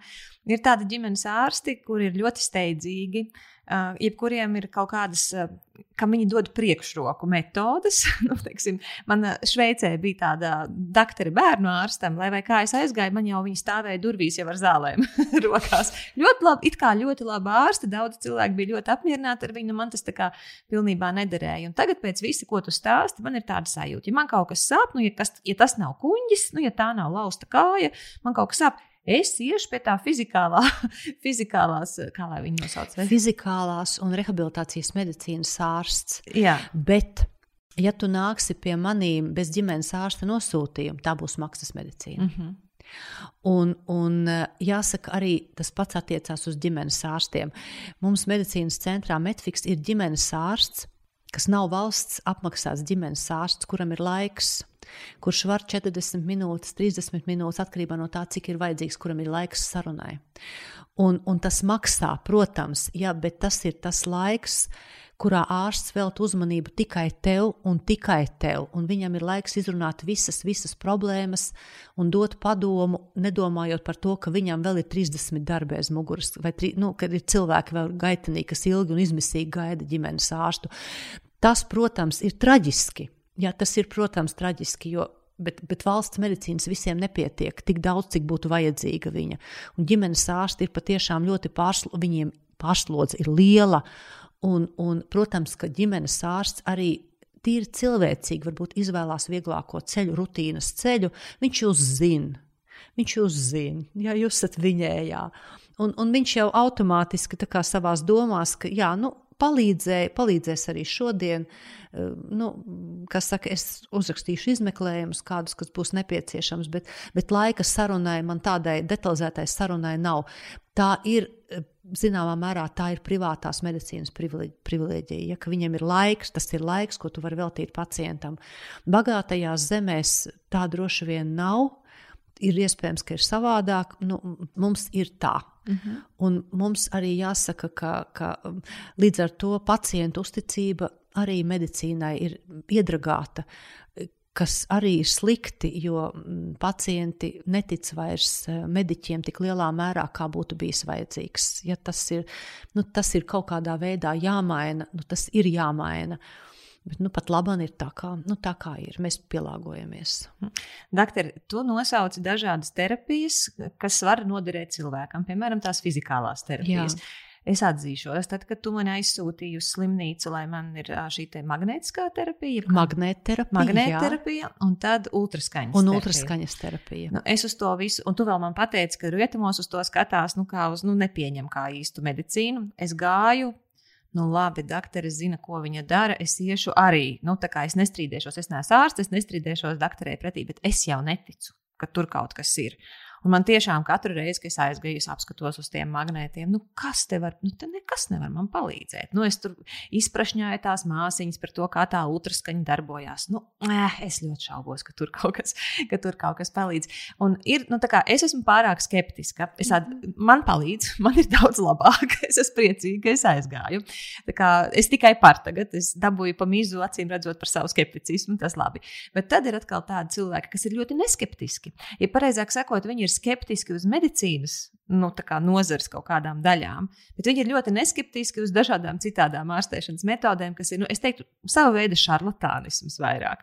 Tad tagad tu mums uzskaitīji to, ko varbūt krietni daļa no mums neapsver kā īstu medicīnu, un tu saki, ziniet, mīļie, paskatieties, gan te var noderēt. Vai tu vari mūs arī pasargāt no tā, ka mēs aiziesim uz kaut kādu fufeli, izmetīsim naudu un, nedod Dievs, tādā veidā nokavēsim laiku un pasliktināsim savu problēmu? Mm. Jā, nu tā ir tas, ko tu saki. Tā, tā ir. Tā ir. Un ir cilvēki, kuri meklē izmisīgu palīdzību um, pie dažādiem pēdiņās specialistiem. Attiecībā uz fizikālo terapiju. Mm, Fizikālās medicīnas tehnoloģijas ir valsts apstiprinātas medicīnas tehnoloģijas, un viņas ir aplūkojamas e, medicīnisko tehnoloģiju datu bāzē, ko uztur e, mūsu valsts. Un, ja iegūlē medicīnas tehnoloģijas, tad tur būs saraksts, un tur var apskatīties, kādas tās ir, nosaukumus. E, tas, kas tur ir, tas ir, nu, tas ir uz pierādījumiem balstīts lielākā vai mazākā mērā, bet tas ir tas, ko mēs izmantojam pacientu ārstēšanā ar, ar mērķiecīgi. Bet ir vesela rinda, varbūt dažāda veida terapiju, kuras man grūti komentēt. Patiešām, un es arī negribu komentēt, jo, jo eh, lai neatkārtotos arī tas pats, kas bija ar akupunktūru. Akupunktūra pirms gadiem, 30, 40, arī tika nosaukta par, par, par nu, šarlatānismu. šarlatānismu. Jā, bet, bet ja mēs tagad paskatāmies milzīgu pētījumu, kvalitatīvu pētījumu skaitu, kas ir ļoti, ļoti detalizēti un, un kas ir izpētījuši daļu no akupunktūras iedarbības mehānismiem, tad tagad akupunktūra ir uz pierādījumiem balstīta medicīna. Uh, bet ne visos stāvokļos, tāpēc, ka nav pētīts vai arī nav pietiekoši kvalitatīvi pētīts. Tas pats attiecās varbūt ka uz kādām no tām metodēm, ko cilvēki izmanto un kas palīdz. Jo nevar noliegt to, ja tas palīdz, bet nav izpētīts. Pirms mēs izlemjam, ko ar sevi darīt tālāk, kādā virzienā virzīties, ir jābūt ārsta padomam. Noteikti. Vai viņš ir ģimenes ārsts, un ģimenes ārsts arī var nu, mainīt, ja nav tāds kontakts. Viņš jau arī nav tāds, kad, kad pielaulāts, kā laulātais draugs visu mūžu, e, atrast ģimenes ārstu, ar kuru kaut īstu brīdi, bet ir ļoti labs kontakts, ja, un, un tas arī būtiski. Un, ja, tas, ja, ja ģimenes ārsts saka, ka, ka tev ir izvēles brīvība pie fizioterapeita, tad es varu varbūt izvēlēties arī Piemēram, austrumu medicīna saka, pēļu kakarotas valkāšana bezmiegā ārstēšanai. Nu, piemērs. Jā, nu, Vai tas līdz vai nelīdz? Jā, es domāju, ka varbūt. Ka jā, bet mana dzīvība nav apdraudēta. Jā, nav dzīvība apdraudēta. Es, es valkāju varu tam tērēt. Dzintara kaklarota, vairogu dziedzera slimību ārstēšanā. Dzintara kaklarota, mums atceros, man vecmāmiņa teica, ka viņa izārstējusi ir vairogu dziedzera saslimšana ar, ar dzintara kaklarotu, ko pēc tam rakusi zemē un, un rakusi ārā ja, un skalojusi. Nu, nu, tās ir tās lietas, kas, kas, kas ir varbūt tādas dīvainas, bet, bet ja viņas nekaitēs un ja viņas viņas dod placebo efektu, un, un placebo arī ir dziedniecisks efekts zināmā mērā, ja palīdz, tad, tad, tad, tad jā. Man te daudz jautājumu ir būs arī par akupunktūru, bet es vēl gribu pakavēties pie tā, tās sadaļas, kur mēs esam pat labi. Vēl viena lieta, ko es redzu, cilvēks bieži sūdzamies, un es mhm. atzīstos, ka šeit arī es pati to piedzīvoju, ir izsīkums. Uh, varbūt tās, tās nav tādas nu, sāpes pašas par sevi, bet nu, ir nu, kaut kas tur nav riktīgi ar šo izsīkumu. Kāda ir tava novērojuma no tā, kas mums jāņem vērā labāk? Nu, jā, nu, izsīkumam arī ir daudz iemesli. Ehm, stress pārslodze ir viens iemesls, noteikti.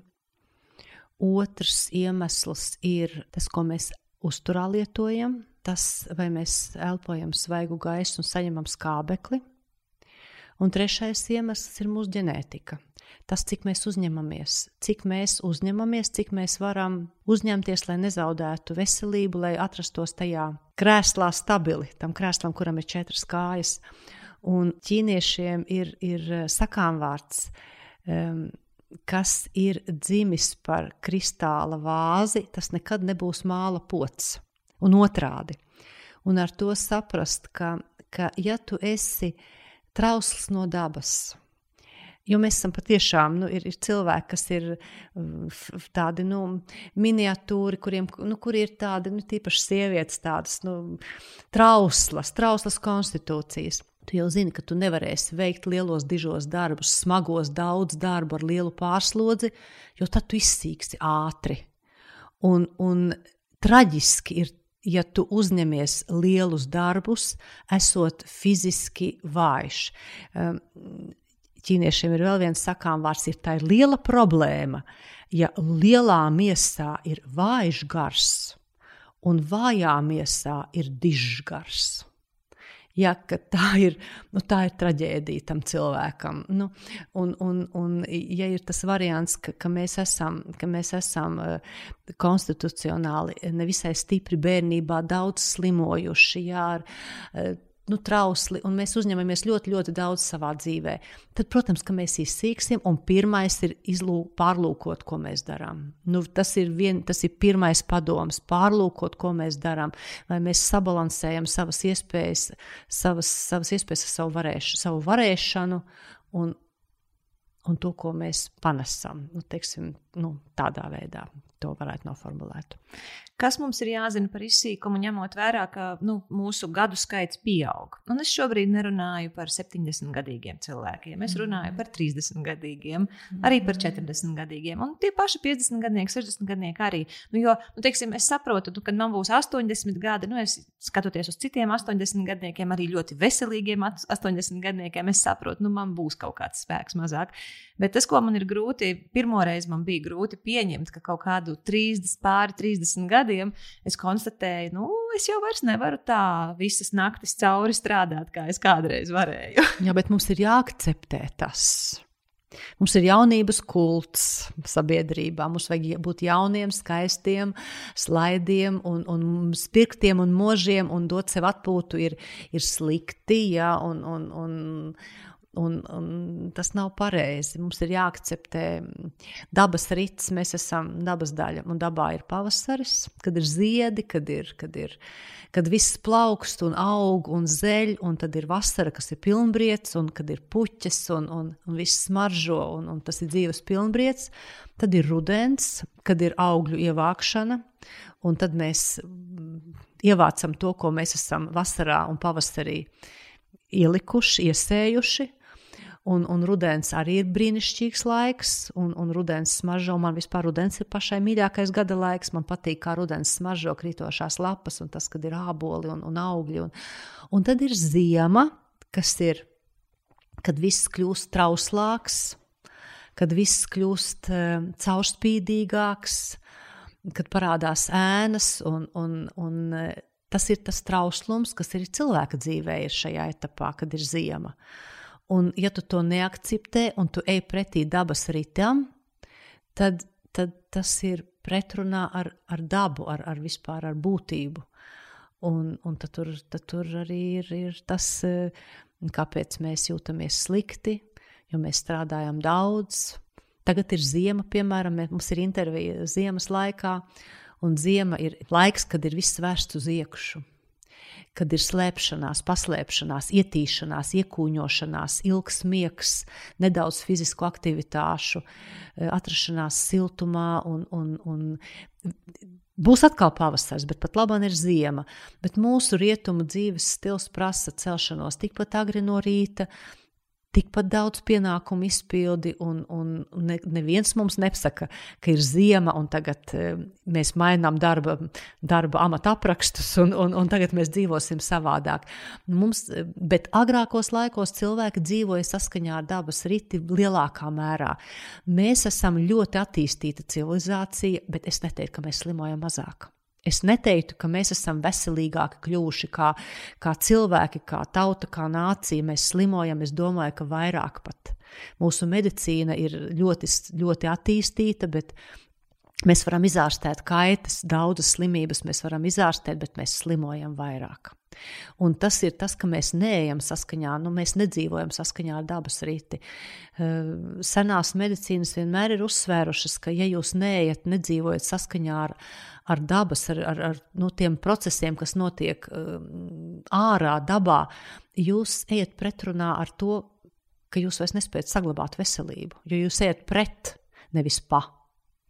Ja, ir jāiet saskaņā ar dabu. Uh, Nu, nu, tas arī ir viens no izsīkuma iemesliem. Tas ir tas, ka, ka mēs nedzīvojam saskaņā ar, ar dabu. Mēs nespējam vairs to darīt. Mēs esam no tā tik tālu aizgājuši prom, ka mēs vairs nemākam atrast ceļu atpakaļ un diez vai atradīsim, atklāti sakot. Ja, atrašana, ceļa atrašana atpakaļ ir ļoti dārga, un tā ir ekskluzīva. Ja, un, un tas prasa, tas, tas ir patiešām nu, lielai daļai no mums vairs nav pieejams. Teiksim, tā, lai uzturētu ģimeni, paši sevi, samaksātu rēķinus. Un iespējams, ka kādas no sabiedrībām to realizēs. Manuprāt, Skandināvu zemes ir tuvāk tam iespējams, ka mūsu zemē ir tālu, tāls ceļš ejams vēl, bet es domāju, ka, ka viņš ir jāiet, jo, jo tā slimošana, mūsu cilvēki ļoti daudz slimo, tas ir signāls par to, ka kaut kas tomēr nav kārtībā. Nu, nav kaut kas kārtībā. Ka pašā sistēmā kaut kas nav. Iespējams, kārtībā. jā. Mhm. jā. Bet... Sistēma, sistēmiska kļūda kaut kur ir. Doktor, tad tagad es gribu noskaidrot, Jā. kāds būtu ideālais variants, un tad es gribu mūsu dzīvē reālo variantu. Par ziemu tu jau nedaudz ieskicēji, vai tu vēl pateiktu, ko tu rekomendētu mums ņemt vērā ziemas laikā, lai mēs palīdzam sev būt veselākiem un labākā garastāvoklī? Nu, mums ir laimējies, mums ir četri gada laiki. Ja mēs varam ļoti, ļoti nodefinēt uh, gada laiku maiņas. Uh, un mēs varam um, samērā viegli orientēties attiecībā ārējais gada laiks un, un, un mūsu darbības. Tā ir ģērbšanās, aktivitātes, viss tas, ko mēs darām. Austrumu medicīna vispār ir uh, uz, uz dabas ritiem balstīta medicīna. Sena un, un viss tas, ko viņi apraksta cilvēku ķermenī, visas norises, viņi apraksta līdzīgi, kā viņi norises, apraksta norises dabā. Un tas ir tik interesanti lasīt to, kā, kā Tūkstošu gadus veci medicīniskie teksti mēģina aprakstīt procesus cilvēka ķermenī, pamatojoties uz to, ko ārsti redzējuši dabā. Tad, kas ir tas reālais variants? Nu, skatīties uz dabu. Tas ir tas kas, tas, kas palīdzētu mums arī saprast, ko mums darīt. Silti ģērbties. Noteikti. Uh, gulēt daudz, vairāk gulēt, 8 stundas, 7 stundas. Mēs par ziemu tagad. Jā, jā par ziemu. Mēs tagad par ziemu. Uh, ēst siltu ēdienu. Noteikti siltu, nelietot augstu ēdienu uzturā, jo tas enerģētiski dzēsē. Eh, neliels komentārs par pārtikas produktiem ķīniešu un austrumu medicīnā. Katram produktam piemīt enerģētiskās īpašības. Ēdot augstu, au, ēdot ābolus ziemas laikā, mēs sāksim salt pēc kāda laika. Bet ē, dzerot karstu tēju ar kanēli, mēs sasildīsimies. Nu, tas ir tas, ko saprot ar, ar ar enerģētiku uztura. Um, fiziskas aktivitātes arī ir jāierobežo ziemas laikā. Ja fiziskas aktivitātes ir vasaras, pavasara laiks, varbūt rudens sākuma laiks, ka, ka, ka tas, ir, tas ir glabāšanas laiks, tas nav akt, lielu aktivitāšu laiks, lai mēs saglabātu veselību. Lūk, savukārt vasara ir pilnīgi pretējs gada laiks, kad mēs varam plānot īsu miegu, mums pietiks 6 stundas, 7 stundas, jo visa daba tā dzīvo. Mēs varam ģērbties plāni, un mēs varam kustēties, mēs varam baudīt, un mēs varam arī lielākus darbus veikt un aktīvāk, jo ir Jana. Jā, austrummedicīna saka, tas ir aktivitāšu laiks, nevis īņķa glabāšanas laiks. Tā ir dzīvošana saskaņā ar dabu. Zināmā mērā mēs jau šeit to ievērojam, bet nu, īpaši es gribētu teikt, ka dzīve ziemā ir, ir pretrunā ar dabas riti. Noteikti. Un kas mums jāņem vērā pavasarī un rudenī? Pavasarī es ieteiktu, ka e, neizmesties e, pavisam plikiem. Iestājoties pirmajam siltajam laikam, tas varētu mūs pārsteigt nesagatavotus, jo mūsu adaptācijas sistēmas nav gatavas tik ātri pārkārtoties, un, un e, termoregulācijas mehānismi nav adaptēti noteikti. Tas būtu tas būtiskākais, kas ļautu saglabāt veselību. Um, nu, rudenī atkal otrādi. Rudenī netuntuļoties ātri, ļoti agri. Mēģināt kustēties un tēpties plānāk, lai nesāktu svīst un, un lai nebūtu tā, ka mēs tuntuļojamies un tad atkal jāatģērbjas, mēs esam sasvīduši un, un atkal kāda vēsāka gaisa plūsma rada muskuļu sāpes pēc tam sprandā, piemēram. Un attiecībā uz ēšanu, uz pārtiku, ko mēs lietojam, pavasaris, vasara, rudens, kas mm. tur jāņem vērā? Pārtika, es, ne, es neesmu dietologs. Mm -hmm. Jā, ne, es, es domāju, tieši no, tieši no šīs austrumu medicīnas viedokļa. Jā, nu, austrumu medicīnā diētas padoms ir pirmais padoms, ko ārsts dod pacientam. Pats pats pirmais, jo uzturs ir zāles. Mm -hmm. Viennozīmīgi uzturs ir zāles un uh, uzturs individuāli maina mūsu iekšējo vidi atkarībā no tā, kādi mēs esam. Nu, piemēram, praktizējot austrumu medicīnu, es lūdzu pacientiem parādīt mēli ļoti bieži. Un, un, ja jūs paskatīsieties spogulī un, un izbāzīsiet savu mēli, un ja jūs redzēsiet, piemēram, ka jūsu mēle ir bāla, balta, bāla, pietūkusi, eh, ar zobu iespiedumiem mēles malās, Tas um, ķīniešu tradicionālā medicīnā liecina, ka jums ir enerģijas deficīts gremošanas sistēmā. Viņai ir enerģijas deficīts, kā rezultātā ir um, ūdens aizture, par ko liecina mēlis tūska, asinsrites nepietiekamība, par ko liecina mēlis ļoti bālā krāsa, un arī gremošanas sistēmas traucējums, par ko liecina um, aplikums. Tad lūk, pārtikas produkti, kurus um, ķīniešu tradicionālās medicīnas ārsts eh, ieteiktu pacientam, tie pārtikas produkti būtu sildoši. Tas nozīmē, ka produkti ir termiski jāsilda, ka tiem jābūt enerģētiski siltiem. Nedrīkst lietot neko augstu no leduskapja, neieteiktu lietot lielos daudzumos piena produktus, eh, zaļus dārzeņus, augļus eh, lielos daudzumos, salātus, kas ir enerģētiski augsti, un neraugoties, ka ir vasaras laiks, izvairīties no šiem produktiem. Pēc kāda laika, varbūt pēc mēneša vai pēc pusotra, tas nenotiek uzreiz, notiek lēnām, lēnām izmaiņas cilvēka iekšējā vidē, respektīvi metabolismā. Jo, jo šie pārtikas produkti maina to, kā, kā mūsu ķermenis asimilē, izmanto barības vielas. Un tās ir pirmās zāles, un pēc tam tikai ir pārējais. Tālāk varbūt ir fiziskas aktivitātes, masāža, kustības, tad varbūt nāktu akupunktūra, punktu sildīšana, un tad tikai medikamentoza terapija. Tikai pēc tam, kad nekas nelīdz. Un ķirurģija kā pēdējā, protams. Mm -hmm. Nu, tad par tiem produktiem, par pavasari. Ai, nē, grūti ieteikt specifisku produktu, kuri būtu tikai pavasarī lietojami. Tādu nav. Austrum medicīnā, Ķīnas tradicionālajā medicīnā nu, dietoloģija ir diezgan sarežģīta zinātne, kurā um, uzturs tiek um, sadalīts faktiski piecās grupās augsti produkti, dzēsējoši produkti, neitrāli produkti, sildoši produkti un karsti produkti. Ehm, ja ārā ir karsts un ir vasara, tad ehm, diētas īpatnības ir tādas, ka mēs virzamies vairāk uz tiem produktiem, kas ir vēsinoši un dzēsējoši. Ziemas laikā, rudens laikā mēs virzamies uz tiem produktiem, kuri ir sildoši vai karsti, jo viņi ļauj sabalansēt mūsu iekšējo vidi ar, tie, ar to, nu, lai mēs izturētu ārējās vidas iedarbību, kā spētu stāties pretī lielam karstumam, dzēsējot savu iekšējo vidi vai lielam augstumam, eh, sildot savu iekšējo vidi. Līdz ar to ir līdzsvars.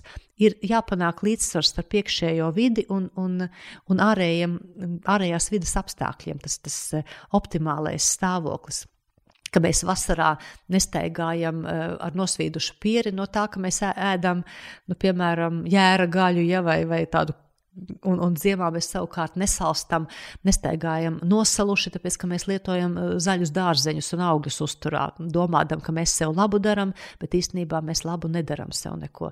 Ziemā mm, uzturam jābūt siltam un vēlams no, no ķīniešu tradicionālās medicīnas viedokļa lietot zupas uzturā, mm -hmm. kas ir siltas un, un, un silda, un tad tur tie dārzeņi būtu, un tad būtu varbūt uh, uzturs speciālists un dietologi man piekristu kad, kad, kad būtu tā kā vajag.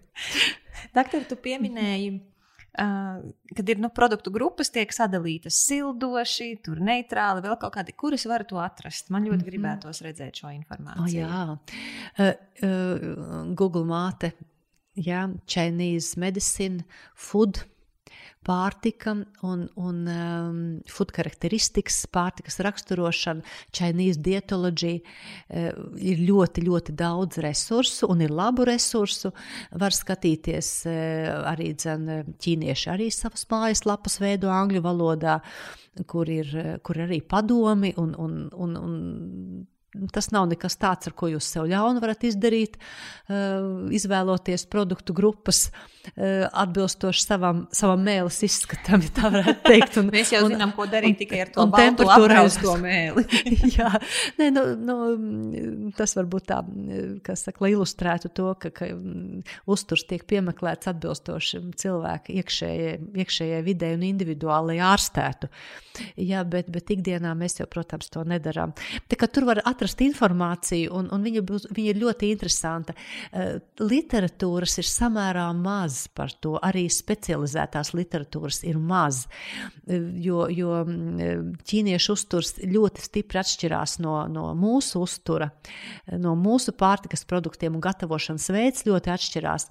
Tāpēc arī dzen, ir jāmeklē adaptācija. Un ir arī varbūt grāmatas, ir dažas grāmatas, ko varbūt var atrast internetā, eh, ko ir rakstījuši ārsti, dietologi, eh, kuri ir mēģinājuši integrēt austrumu zinības un pieredzi ar, ar rietumu dietoloģijas principiem un mēģinājuši adaptēt eh, tos produktus, kas ir mums veikalu plauktos atrodami un padarīt nu, šo te, nu, ļoti interesanto uzturu zinātni, austrumu uzturu zinātni mūsu cilvēkiem pieejamu, specialistiem pieejamu, varētu tā teikt.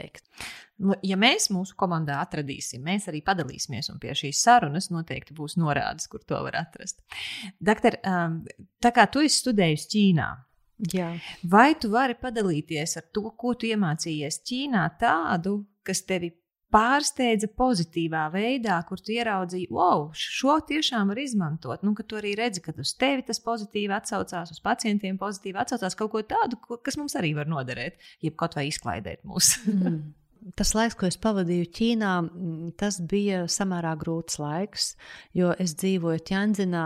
Tā ir pilsēta, kas ir industriāla pilsēta ar, ar daudzu, daudzu miljonu iedzīvotāju. Man liekas, ka toreiz jau bija 18 miljoni iedzīvotāju, un, un tā ikdiena ķīniešu cilvēkam ir, ir ļoti grūta un smaga. Eh, universitātēs, eh, kurā, universitātē, kurā es mācījos, eh, veids, kā studenti mācās, ļoti atšķirās no veida, kā mācās mūsu universitātēs. Tolaik es nedomāju, ka tur ir daudz kas mainījies, jo Ķīna ir bezgala konservatīva zeme un, un konservatīva kultūra un tradīcija, un tāpēc jau viņa ir nepārtraukta civilizācija tik, tik ilgā laika periodā. Kas tur bija tajā studijā? Uh, studijas. Uh, Tu uzdod skolotājiem jautājumu, tad, kad tu esi gatavs uzdot jautājumu. Princips tev ir jāizaug līdz jautājumam skolotājam.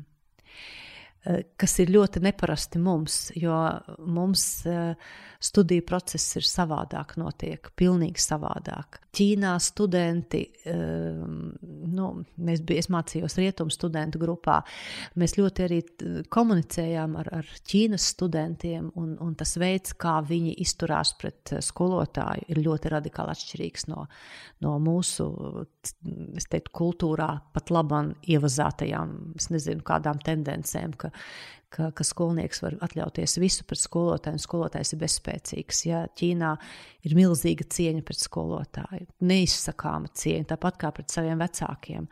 Un tas ir ļoti, ļoti atšķirīgs, to var mācīties. Ka mani satrieca, nu, burtiski satrieca, ka, ka, ka pie ārsta mm, Ķīnā uh, savu senioru ved uh, ģimenes ģimene ved savu senioru pie, pie ārsta. Jo, jo, jo seniors var neizprast, ne jautājumu seniors var neatcerēties. Viņš var uh, uztraukumā kaut ko nepareizi pateikt, kad ir jābūt ģimenei, kas ir kopā ar, ar pacientu, ar, ar senioru, lai varētu un, un pierakstīt, uzklausīt. Un, un, un tā ir tāda nu, mums pilnīgi nu, nu, nu, nu, neticama. Tas ir kaut kas neapstrādājams. Nu, retos gadījumos ar vecāku cilvēku nāk kopā ģimene. Nu, es varbūt... to redzu kā kaut ko ļoti vērtīgu patiesībā. Jā, jā, un tas ir ļoti, ļoti, tas man ļoti, ļoti patika. Mm -hmm. Ļoti patika. Ar veciem cilvēkiem iet pa, parkiem, pa parku kopā staigāt ar savu tēvu vai māti, iet pēc darba kopā staigāt pa parku, nevis ar suni. Jā, jo, nu, nu, suns mūs mīl, bet Es saprotu, tas ir, tas ir svarīgi. Man arī ir suns, ja man arī ir suns, pekinietis, ķīniešu suns. Bet tas, tas, tas ir tas, kas man ļoti, ļoti patika. Ļoti patika. Attiecībā uz, uz to, ko es tur mācījos, zināšanas tiek nodotas ļoti pakāpeniski. Ļoti, ļoti lēni ļaujot studentam pašam uh, uzdot jautājumu. Um, jautājums parāda to, jā, ja skolotājs atbild uz jautājumu, tas nozīmē, nozīmē, ka students ir sasniedzis to līmeni, kad skolotājs uz, uzskata, ka students ir cienīgs saņemt atbildi kas ir ļoti atšķirīgi no mūsu, no mūsu veida, kā mēs mācāmies. Mums ir brīvas diskusijas, mēs dalāmies pieredzē, zināšanās, mēs, mēs esam tik atvērti, tik, tik komunikatīvi. Mēs, mēs, Ķīnā tas viss ir savādāk. Viņi mācās ļoti, ļoti daudz. Viņi mācās patiešām daudz. Viņiem um, ir, ir ļoti liela studiju daļa, um, kas attiecās uz medicīnu, tradīciju, tradīciju uh, mācībai. Viņi mācās to, kas ir bijis pirms 100, 200, 300, 1000, 2000 gadiem. Viņi mācās no galvas. Viņi nezaudē tradīciju, integrējot eh, rietumu medicīnā, arī mūsdienās, bez šaubām. Un tā ir arī, dzen, manuprāt, liela vērtība, ka nezaudē to, kas ir bijis, kas ir bijis patiešām vērtīgs. Neatmet, izmanto Eh, pat ja šīs zināšanas ir iegūtas empiriskā ceļā. Mm, ja tas ir palīdzējis eh, desmit tūkstošu paudzēm pirms manis, tas palīdzēs arī man un maniem bērniem. Nevis tāpēc, ka man internetā nav pierādījumu par šīs metodas efektivitāti vai nē. Tas ir būtiski ļoti, ja tas ir patiešām būtiski. Lūk, ehm, studiju laikā mm, ļoti eh, pietrūka, protams, ka mm, nevis pietrūka, varētu teikt, tā disonants iekšējo radīja kultūras atšķirības. Tas attiecās uz visu, uz mūziku, uz, uz eh, tēlotāju mākslu. Tēlotāju mākslu varbūt mazāk, bet, bet mūsu civilizācijas ir absolūti atšķirīgas, pilnīgi absolūti atšķirīgas. Mēs nekad nenonāksim uh, tā, ka mēs spēsim pilnīgi izprast vienu otru. Un ar to ir jārēķinās, un, un to ir, protams, ka to arī jāņem vērā politiķiem, lielajiem politiķiem. Un viņi arī, es domāju, ka to zina un, un, un saprot. Bet uh, tās zināšanas, ko es guvu Ķīnā, viņas, protams, bija fragmentāras. Jo uh, Ķīnā, Ķīnas izglītības sistēma, kā jau es teicu, ļoti rigīda un ļoti orientēta uz to, uz to ka mm, skolotājs dod eh, limitētas zināšanas studentiem, Un, laikam tas ir saistīts varbūt ar milzīgo konkurenci tur, ka tev ir jāpieliek ļoti lielas pūles, lai, lai panāktu to, ka skolotājs tev sāk uzticēties un ka tu iegūsti to, to statusu, ka tev var arī kaut ko stāstīt. Tad ir jā. jāpierāda, ka es esmu ir jāpierāda, vērts, jā, ir jāpierāda, ka es esmu tā vērts, lai ar mani dalītos. Ja, lai ar mani dalītos zināšanās. Mūsu izglītības sistēmā zināšanas tiek dalītas pa labi, pa kreisi. Viņas nenovērtē. Viņas nenovērtē. Tas ir traģiski, ka, ka, ka, ka nenovērtē to, ko tev skolotājs dod. Un liekas, ka tas ir vajadzīgs skolotājiem, nevis man Ķīnā tā nav. Ķīnā tā nav. Tas ir pilnīgi, tā, bet tā ir cita civilizācija. Lūk, un, un Un, protams, arī es sapratu to, ka manā sfērā tā ir akupunktūra. Mums māca uh, maudze duna akupunktūru, ka maudze duna akupunktūra ir uh, mākslīgi radīta, um, balstās uz, uz uh, zāļu, tēju terapijas uh, principiem, kas īstenībā nemaz nav īsta akupunktūra. To es varbūt sapratu vēlāk, kad es atbraucu šeit un kad es turpināju to šo tālāk, izglīt, nu, tālāk izglītību akupunktūras jomā, ka, ka, protams, ka medicīnas pamati ir bezgala svarīgi, ļoti būtiski. Bez viņiem tu nevari būvēt māju, ja tev nav pamatu. Bet, bet to, ka akupunktūrai ir dažādas skolas, un kad ir, um, ir, ir ļoti tālu ir gājuši arī dzen, skolnieki, kas ir tradicionālu akupunktūru izmantojuši, kas ir tīri akupunktūras ārsti, kuri neizmanto zāļu tēju medicīnu, un ka tās zināšanas ir rietum, rietumos ir pieejamas un ka viņas ir jāizmanto. Un tā nav tā akupunktūra, ko mums mācīja ķēnzinā. Tā ir cita akupunktūra. Un kā to risināja? Ir, ir ir ļoti daudz uh, ārstu rietumos, kas ir ķīnieši vienlaicīgi un kas, ir, kas praktizē rietumos, kas ir, kas ir akadēmiski izglītoti, profesionāli un kuri praktizē akupunktūru visu mūžu, un kuri spējīgi ir um, lasīt ļoti plašus literatūras klāstus ķīniešu valodā, profesionāli tulkot, integrēt un arī mācīt kolēģus. Un to ir ļoti daudz, ir ļoti daudz internetu resursu. Tālāk izglītība pat labāk internetā ir ļoti, ļoti pieejama un viņu var izmantot. Bet tas pats attiecās arī uz rietumu medicīnu. Arī rietumu medicīnā pat labāk ir milzīgs daudzums resursu, ko var izmantot tālāk izglītībā, neizejot no savas mājas.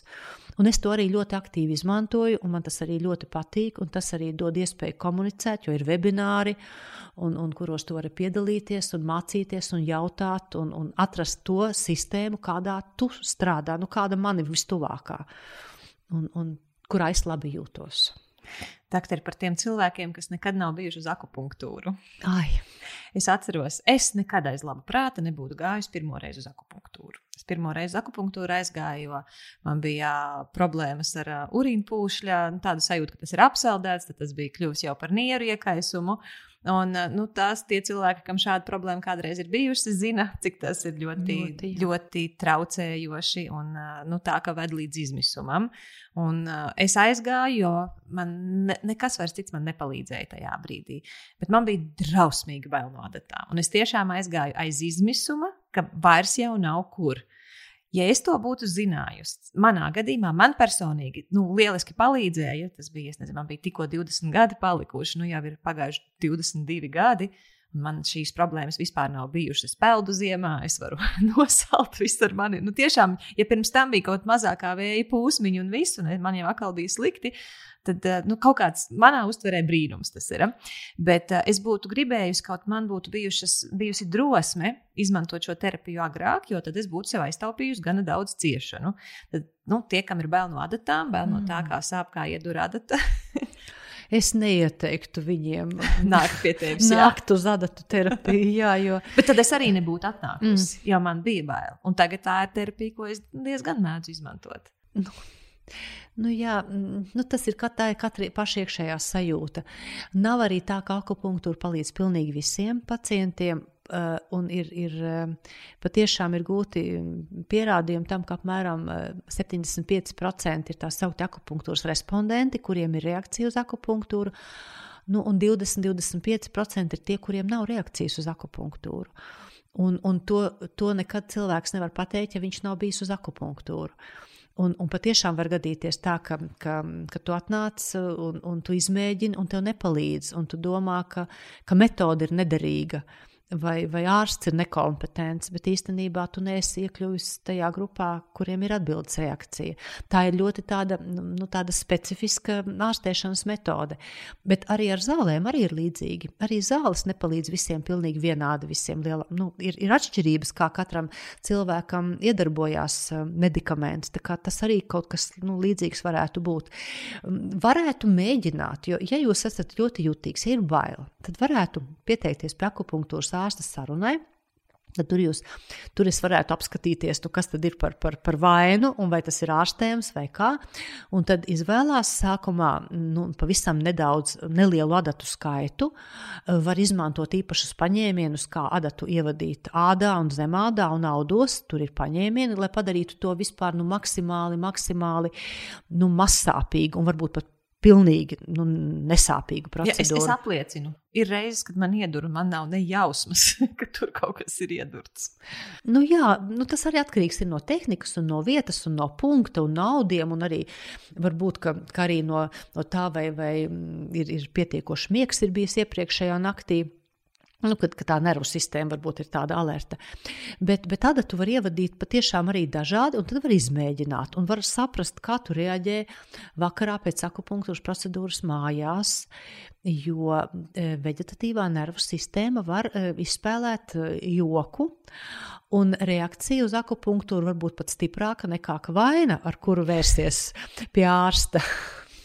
Un, un tās biežākās reakcijas varētu būt, um, uh, piemēram, galvas sāpes vai um, slimās vietas uh, sāpju pastiprināšanās, vai arī dzan, nelaba duša, nestabilitātes sajūtas, reiboņi, nogurums, nespēks, uzbudināmība.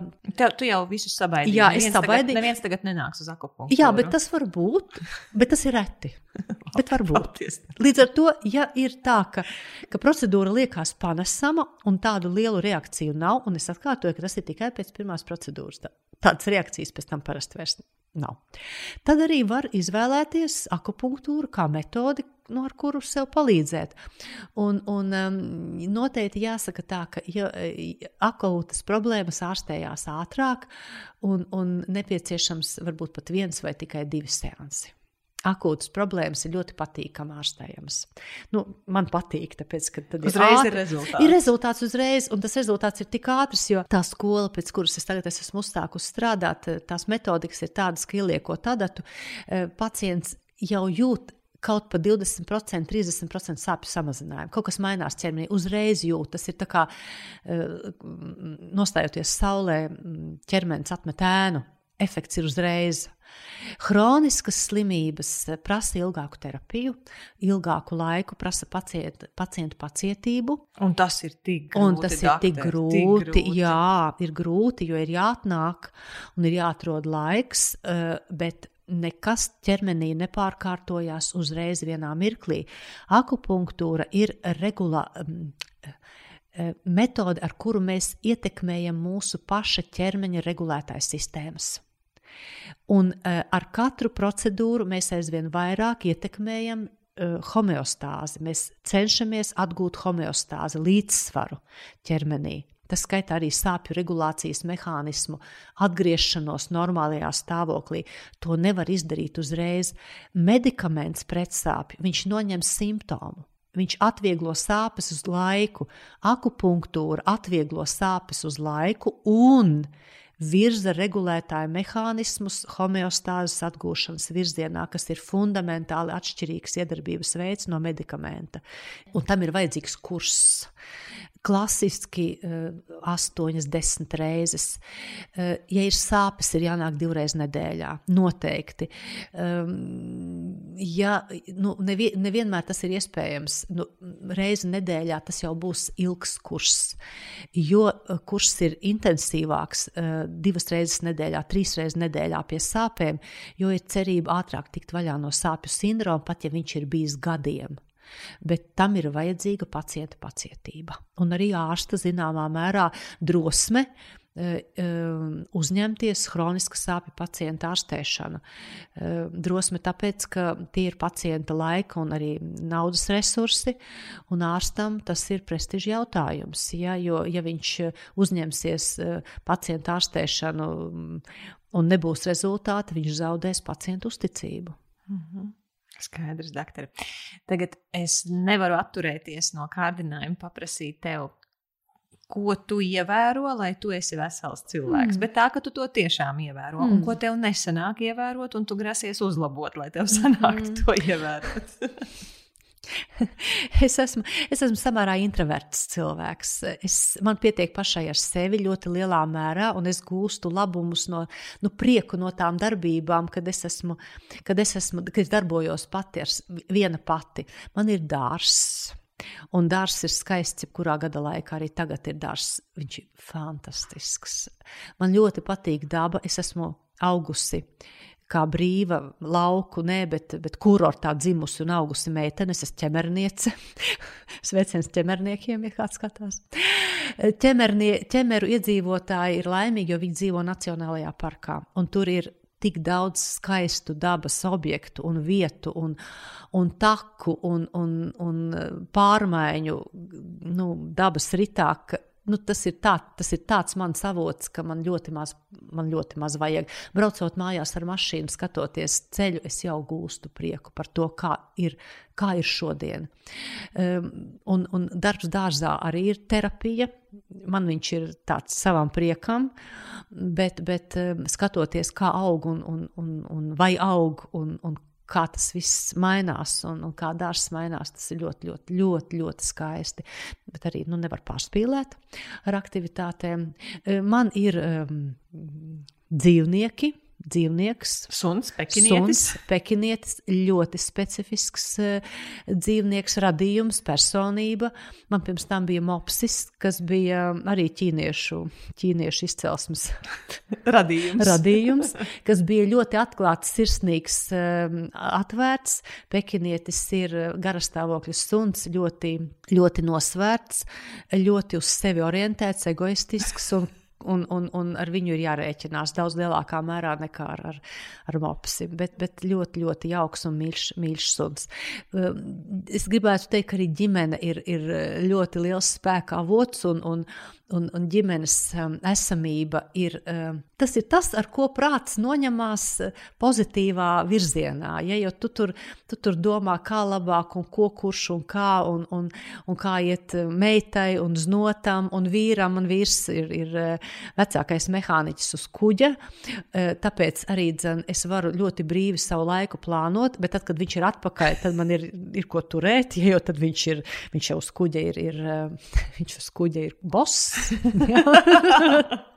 Uz kuģa bosu mājās. Uz kuģa, un, un mājās arī viņam gribās būt par bosu, un tad man jāmāk ir salāgot viņa un, un savas aktivitātes, bet tas īstenībā ir jauki, jo, jo nu, viņš ir tas stiprais plecs, uz kuras vienmēr varu zināt, nu, es varu, nu, es varu balstīties, un, un, un viņš ir ļoti nu, gudrs cilvēks, un, un, un, un pat ja viņš ir tālu, tad es vienalga zinu, ka, ka viņš tur ir, un tas ir svarīgi, jo ģimene ir ļoti, ļoti būtiska. Nu, Tālāk, nu, nu, tas ir tas, runājot, um, es esmu ļoti pieticīga uzturā. Es cenšos minimalizēt um, to produktu skaitu, ko es, ko es lietoju, jo tas man rada nu, tas la, laika trūkumu. Jo, ja tu gribi garšīgi, ļoti gatavot, tas prasa laika resursus. Bet, bet man lielāku prieku sagādā, piemēram, kaut kāda resursu pārskatīšana un nekā ēdiena gatavošana. Bet tas ir tikai mans, mans uh, saka, veids. Un, un, un produkti, ko es lietoju, ir, ir es izmantoju, padalīšos aizņemtai sievietei. Milzīgs palīgs ir labas kvalitātes atvērāmais katls katls, kurā var salikt visu kaut ko, kas ir veselīgs, un pagatavot 20-30 minūšu laikā un, un lietot uzturā siltu ēdienu, pēc tam nu, dienu, divas, jo katru dienu labu ēdienu pagatavot ir ļoti problemātiski. Un tas, ko mēs ēdam sabiedriskajā ēdināšanā, nu, nevienmēr ir kvalitatīvi. Ir kvalitatīvi ražotāji un, un gatavotāji, bet tas ir nevienmēr un uzturs ir būtisks. Un ikdienā mēs eh, slimnīcā strādājot, mēs dalāmies ar eh, savu kolēģi. Man ir kolēģi Ilzi Hāznere, kas ir vienkārši fantastisks cilvēks, kas ir pozitīvs, optimistisks, un, viņa, un mēs gatavojam katru nesaistīti ēst pusdienas mājās, un tad nesam uz darbu un saliekam kopā. tad ir, un tad ir pārsteigums. Porcija, jā, un, un, un vakar pusē atkal savukārt par mani uztur rūpējās meita Linda, kura tad, kad es esmu beigusi savu darbu klīnikā, viņa ir parūpējusies par vakariņām. Un, un tajā laikā, kad man vīrs ir uz kuģa, tad es baudu vakariņas kopā ar viņu, un tas arī ir ļoti jauki. Nu, tad, kad vīrs ir mājās, divi bišķiņi mainās, protams, ja, jo tad ir, tad, kad viss ir nedaudz savādāk. Lūk, tā, nu tā ir, tā, tie ir tie mani uztur ieradumi, kurus, kurus es atklāju šeit. Un doktor ar kustībām kā ir? Mm. Epizodiski, nesistemātiski, un drīzāk varētu teikt tā, ka dārsts ir tas, kas man ir vasarā, pavasarī ļoti nu, prasošs no maniem fiziskus spēkus un aktivitātes. Es neeju tagad uz klubu vingrot. Es to darīju, kad es dzīvoju Rīgā, bet es pat labi esmu pārvākusies atpakaļ pilnībā uz savu dzimtas māju, uz ķemeriem. Un, un, līdz ar to man ir tās fiziskās aktivitātes, kas ir man pieejamas. Man ļoti patīk garas pastaigas. Uh, ir, ir brīnišķīgi atjaunots ķemeru vecais parks, kur es teicu, skatos ar kāru aci, kur ir izgaismots vakaros un, un kur var slēpot. Man ļoti patīk slēpot. Un, un, un tas ir arī veids, kā es gūstu prieku riteņbraukšanu. Man ir ritenis un, un velosipēds, kur, ar, kur, ar kur arī var izbraukt takas. Nu, nu, ziemā nē, bet, bet tas ir arī vasaras aktivitāte. Bet ziemā es vairāk arī hibernējos, es ieslēdzos, iečaulojos. Jā, un, un, un tas, ir arī, nu, tas, ir, tas ir arī saskanīgi ar, ar dabu. Un es arī daudz nekreņķējos par to, ka man ir mazāk aktivitāšu ziemas laikā, jo es zinu, ka tas ir saskanīgi ar dabu. Vasarā es, es man arī jūra no ķemeriem nav tālu, un tad var braukt uz jūru un peldēties.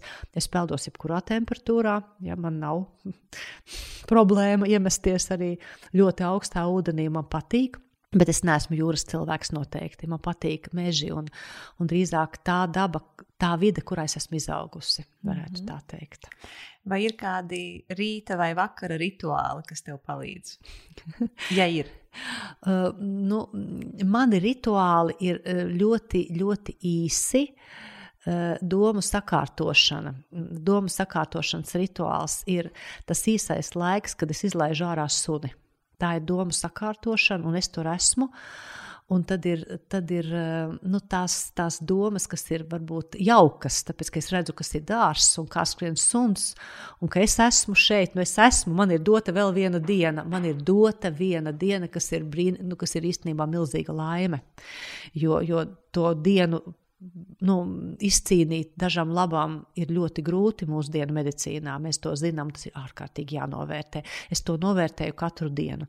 Un tad ir iešana iekšā, un tad ir tās kafijas tasītas laiks un, un dzīvnieku barošana, kas arī ir zināmā mērā rituāls, un tas nomierina, jo tu dod otram to, kas viņam ir svarīgs, tas ir ēdiens. Uh, un tu, tu, tu iegūsti gandarījumu, ka ir apetīte laba radījumiem. Jā, vai arī vīram brokastis, kas ir arī, nu, tagad viņš pat labi ir jūrā. Man, man šīs intervijas laikā par viņu runāšanu nav, ko es viņam gatavoju, vai ne. Bet, bet tas arī ir rituāls. Nu, un tad ir, tad ir brīnišķīgs rituāls braukšana uz darbu mašīnā. Es to novērtēju ļoti, ļoti, jo tas ir 45 minūtes, kad tu vari tu vari vērot, kas ir apkārt. Jo mašīna jau ir, nu, ja tu brauc desmitiem gadu, tas ir pilnīgi automātisks process. Un tu vari mācīties, vai tu vari klausīties mūziku. Un, un mūzikas klausīšanās ir arī fantastiska lieta, eh, kas pilnīgi pārkārto visus tavus eh, sajūtas un dod, dod spēku un, un motivāciju un no, mundrumu, vai arī tu ieslēdz kādu resursu, tiksim, kādu podkāstu, ko tu vari klausīties. Um, nu, 45 minūtes, kas man ir tādā nu, samērā lēnā ātrumā, braucot uz darbu, un, un, un, un tas arī ir rituāls. Tas, tas ir rituāls. Nu, tad jau sākās visas darba dienas, visas, visi notikumi, viss, kas tur tālāk seko, kas ir mazāk stresa pilni, vai prieka pilni, vai, vai gandarījums par darbu, par komandas darbu, par kolēģiem, kas ir kaut ko izdarījuši vērtīgu un labu, nu, vai arī nav izdarījuši, ja, no atkarībā no, no tā, kas slimnīcā notiek. Un, un tur ir, tur ir savi, savi darba riti. Un, un, un, tad tā diena arī lēnām nonāk līdz galam, līdz vakaram, kad arī ir tas laiks, kad izpūst. Fuh, gaisu, tas ir brauciens uz māju, un, un tad ir māja kas ir man ļoti, ļoti būtiska, jo tā ir dzimtas māja, tā ir enerģētiski ļoti tuva, un es viņu ārkārtīgi izjūtu kā patvērumu, kā vietu, kur, kur eh, ilgs doties, kur paslēpties, aizvērt durvis.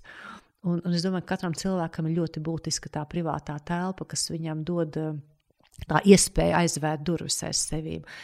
Ja tas tā nav, agri vai vēlu, varbūt arī ir kaut kāds traucējums, kas radās, ja tu esi visu laiku no tevīm visu laiku paģēri kaut ko. Tad tā ir tā iespēja aizvērt durvis un, un, un, un palikt pašam ar sevi vai savā ģimenē, ja sazināties ar saviem tuviniekiem un, un, un kā saka, um, ne, neplānot neko hektisku, aktīvu vakarā.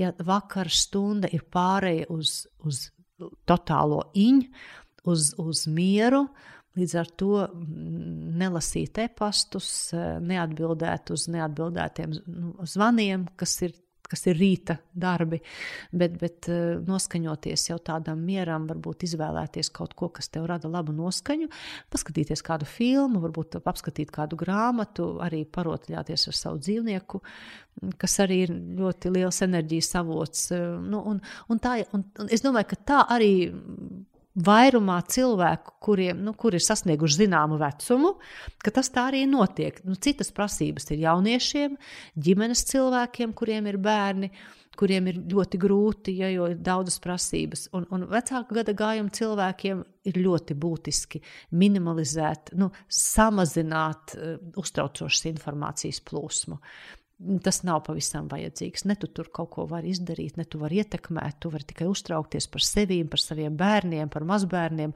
Labuma nekāda, krēķis un bezmiegs. Paldies arī par šiem foršajiem ieteikumiem. Doktor, tam cilvēkam, kas tagad skatās šo sarunu ar tevi vai klausās šo sarunu ar tevi, uh, un ir nu, noraizējies nu, par to, ka cilvēks labi nejūtas. Vai ir kāds aicinājums, novēlējums, ieteikums, ko šim cilvēkam gribi teikt, un var to viņam pateikt? Mm. Jā, tāds vienkāršs un ļoti grūts, ļoti grūts jautājums. Mēs esam ļoti, ļoti atšķirīgi. Mums katram ir savs dzīvesveids, dzīves stils, pienākumi.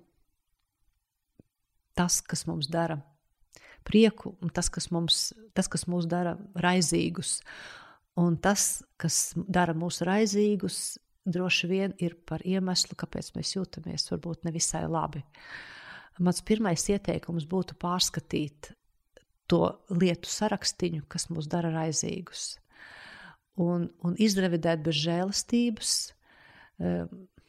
mērenības princips ir visa pamatā, tas ir dabā pamatā un arī mūsu veselības pamatā, ka, ka viss tas, kas ir ekstrēms, uh, noved pie kaut kāda veida traucējuma. Slikta pašsajūta, nogurums ir traucējums. Izdravedēt sarakstiņu, izsvītrot laukā to, ko mēs varam nedarīt, atteikties un atstāt to, kas mums dara prieku, un kas mums ir, protams, jādara, bet nu, vēlams darīt to, ko, kas rada prieku. Tas būtu, tas būtu svarīgi. Un paskatīties, kas notiek pēc mēneša.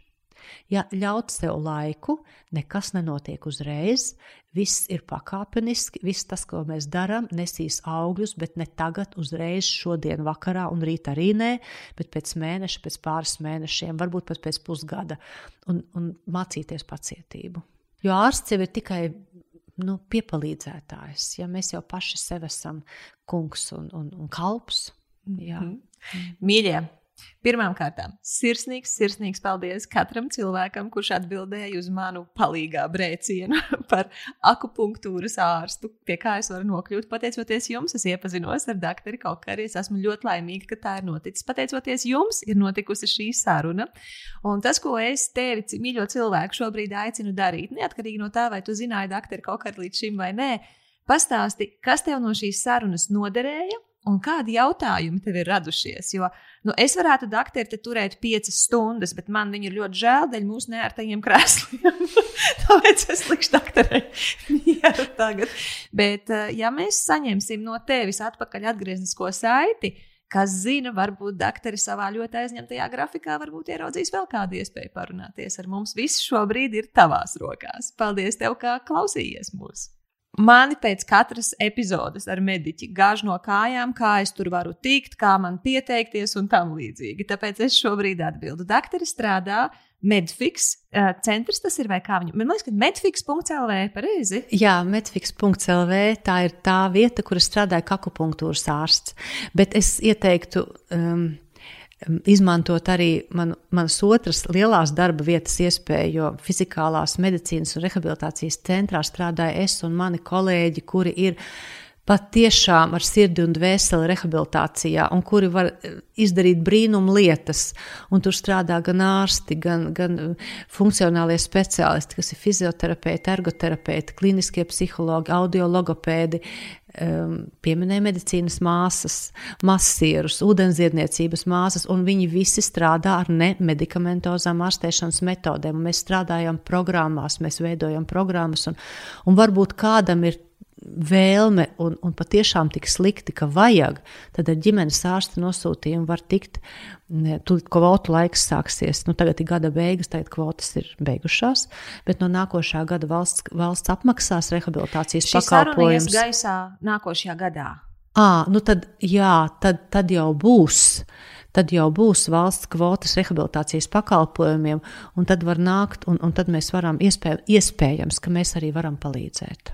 Lieliski, un es pati par dakteri atradu informāciju internetā, ja nemaldos, kokare.clv. Kokare.clv. Un tur man bija ļoti interesanti lasīt, kas tur rakstīts. Un es no savas puses varu teikt, ka mana pieredze ar, ar dakteres klīniku ir, ir tikai tā vislabākā. Sākot no reģistratūras, turpinot ar dakteru un ar to brīdi, kā es izēju ārā. Man tas ir tāds, tā kā es aizgāju uz oāzi, es uh, tur reģenerējos.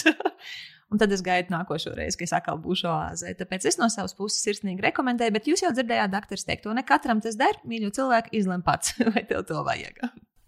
Paldies par uzaicinājumu. Doktor, paldies sirsnīgs par šo sarunu.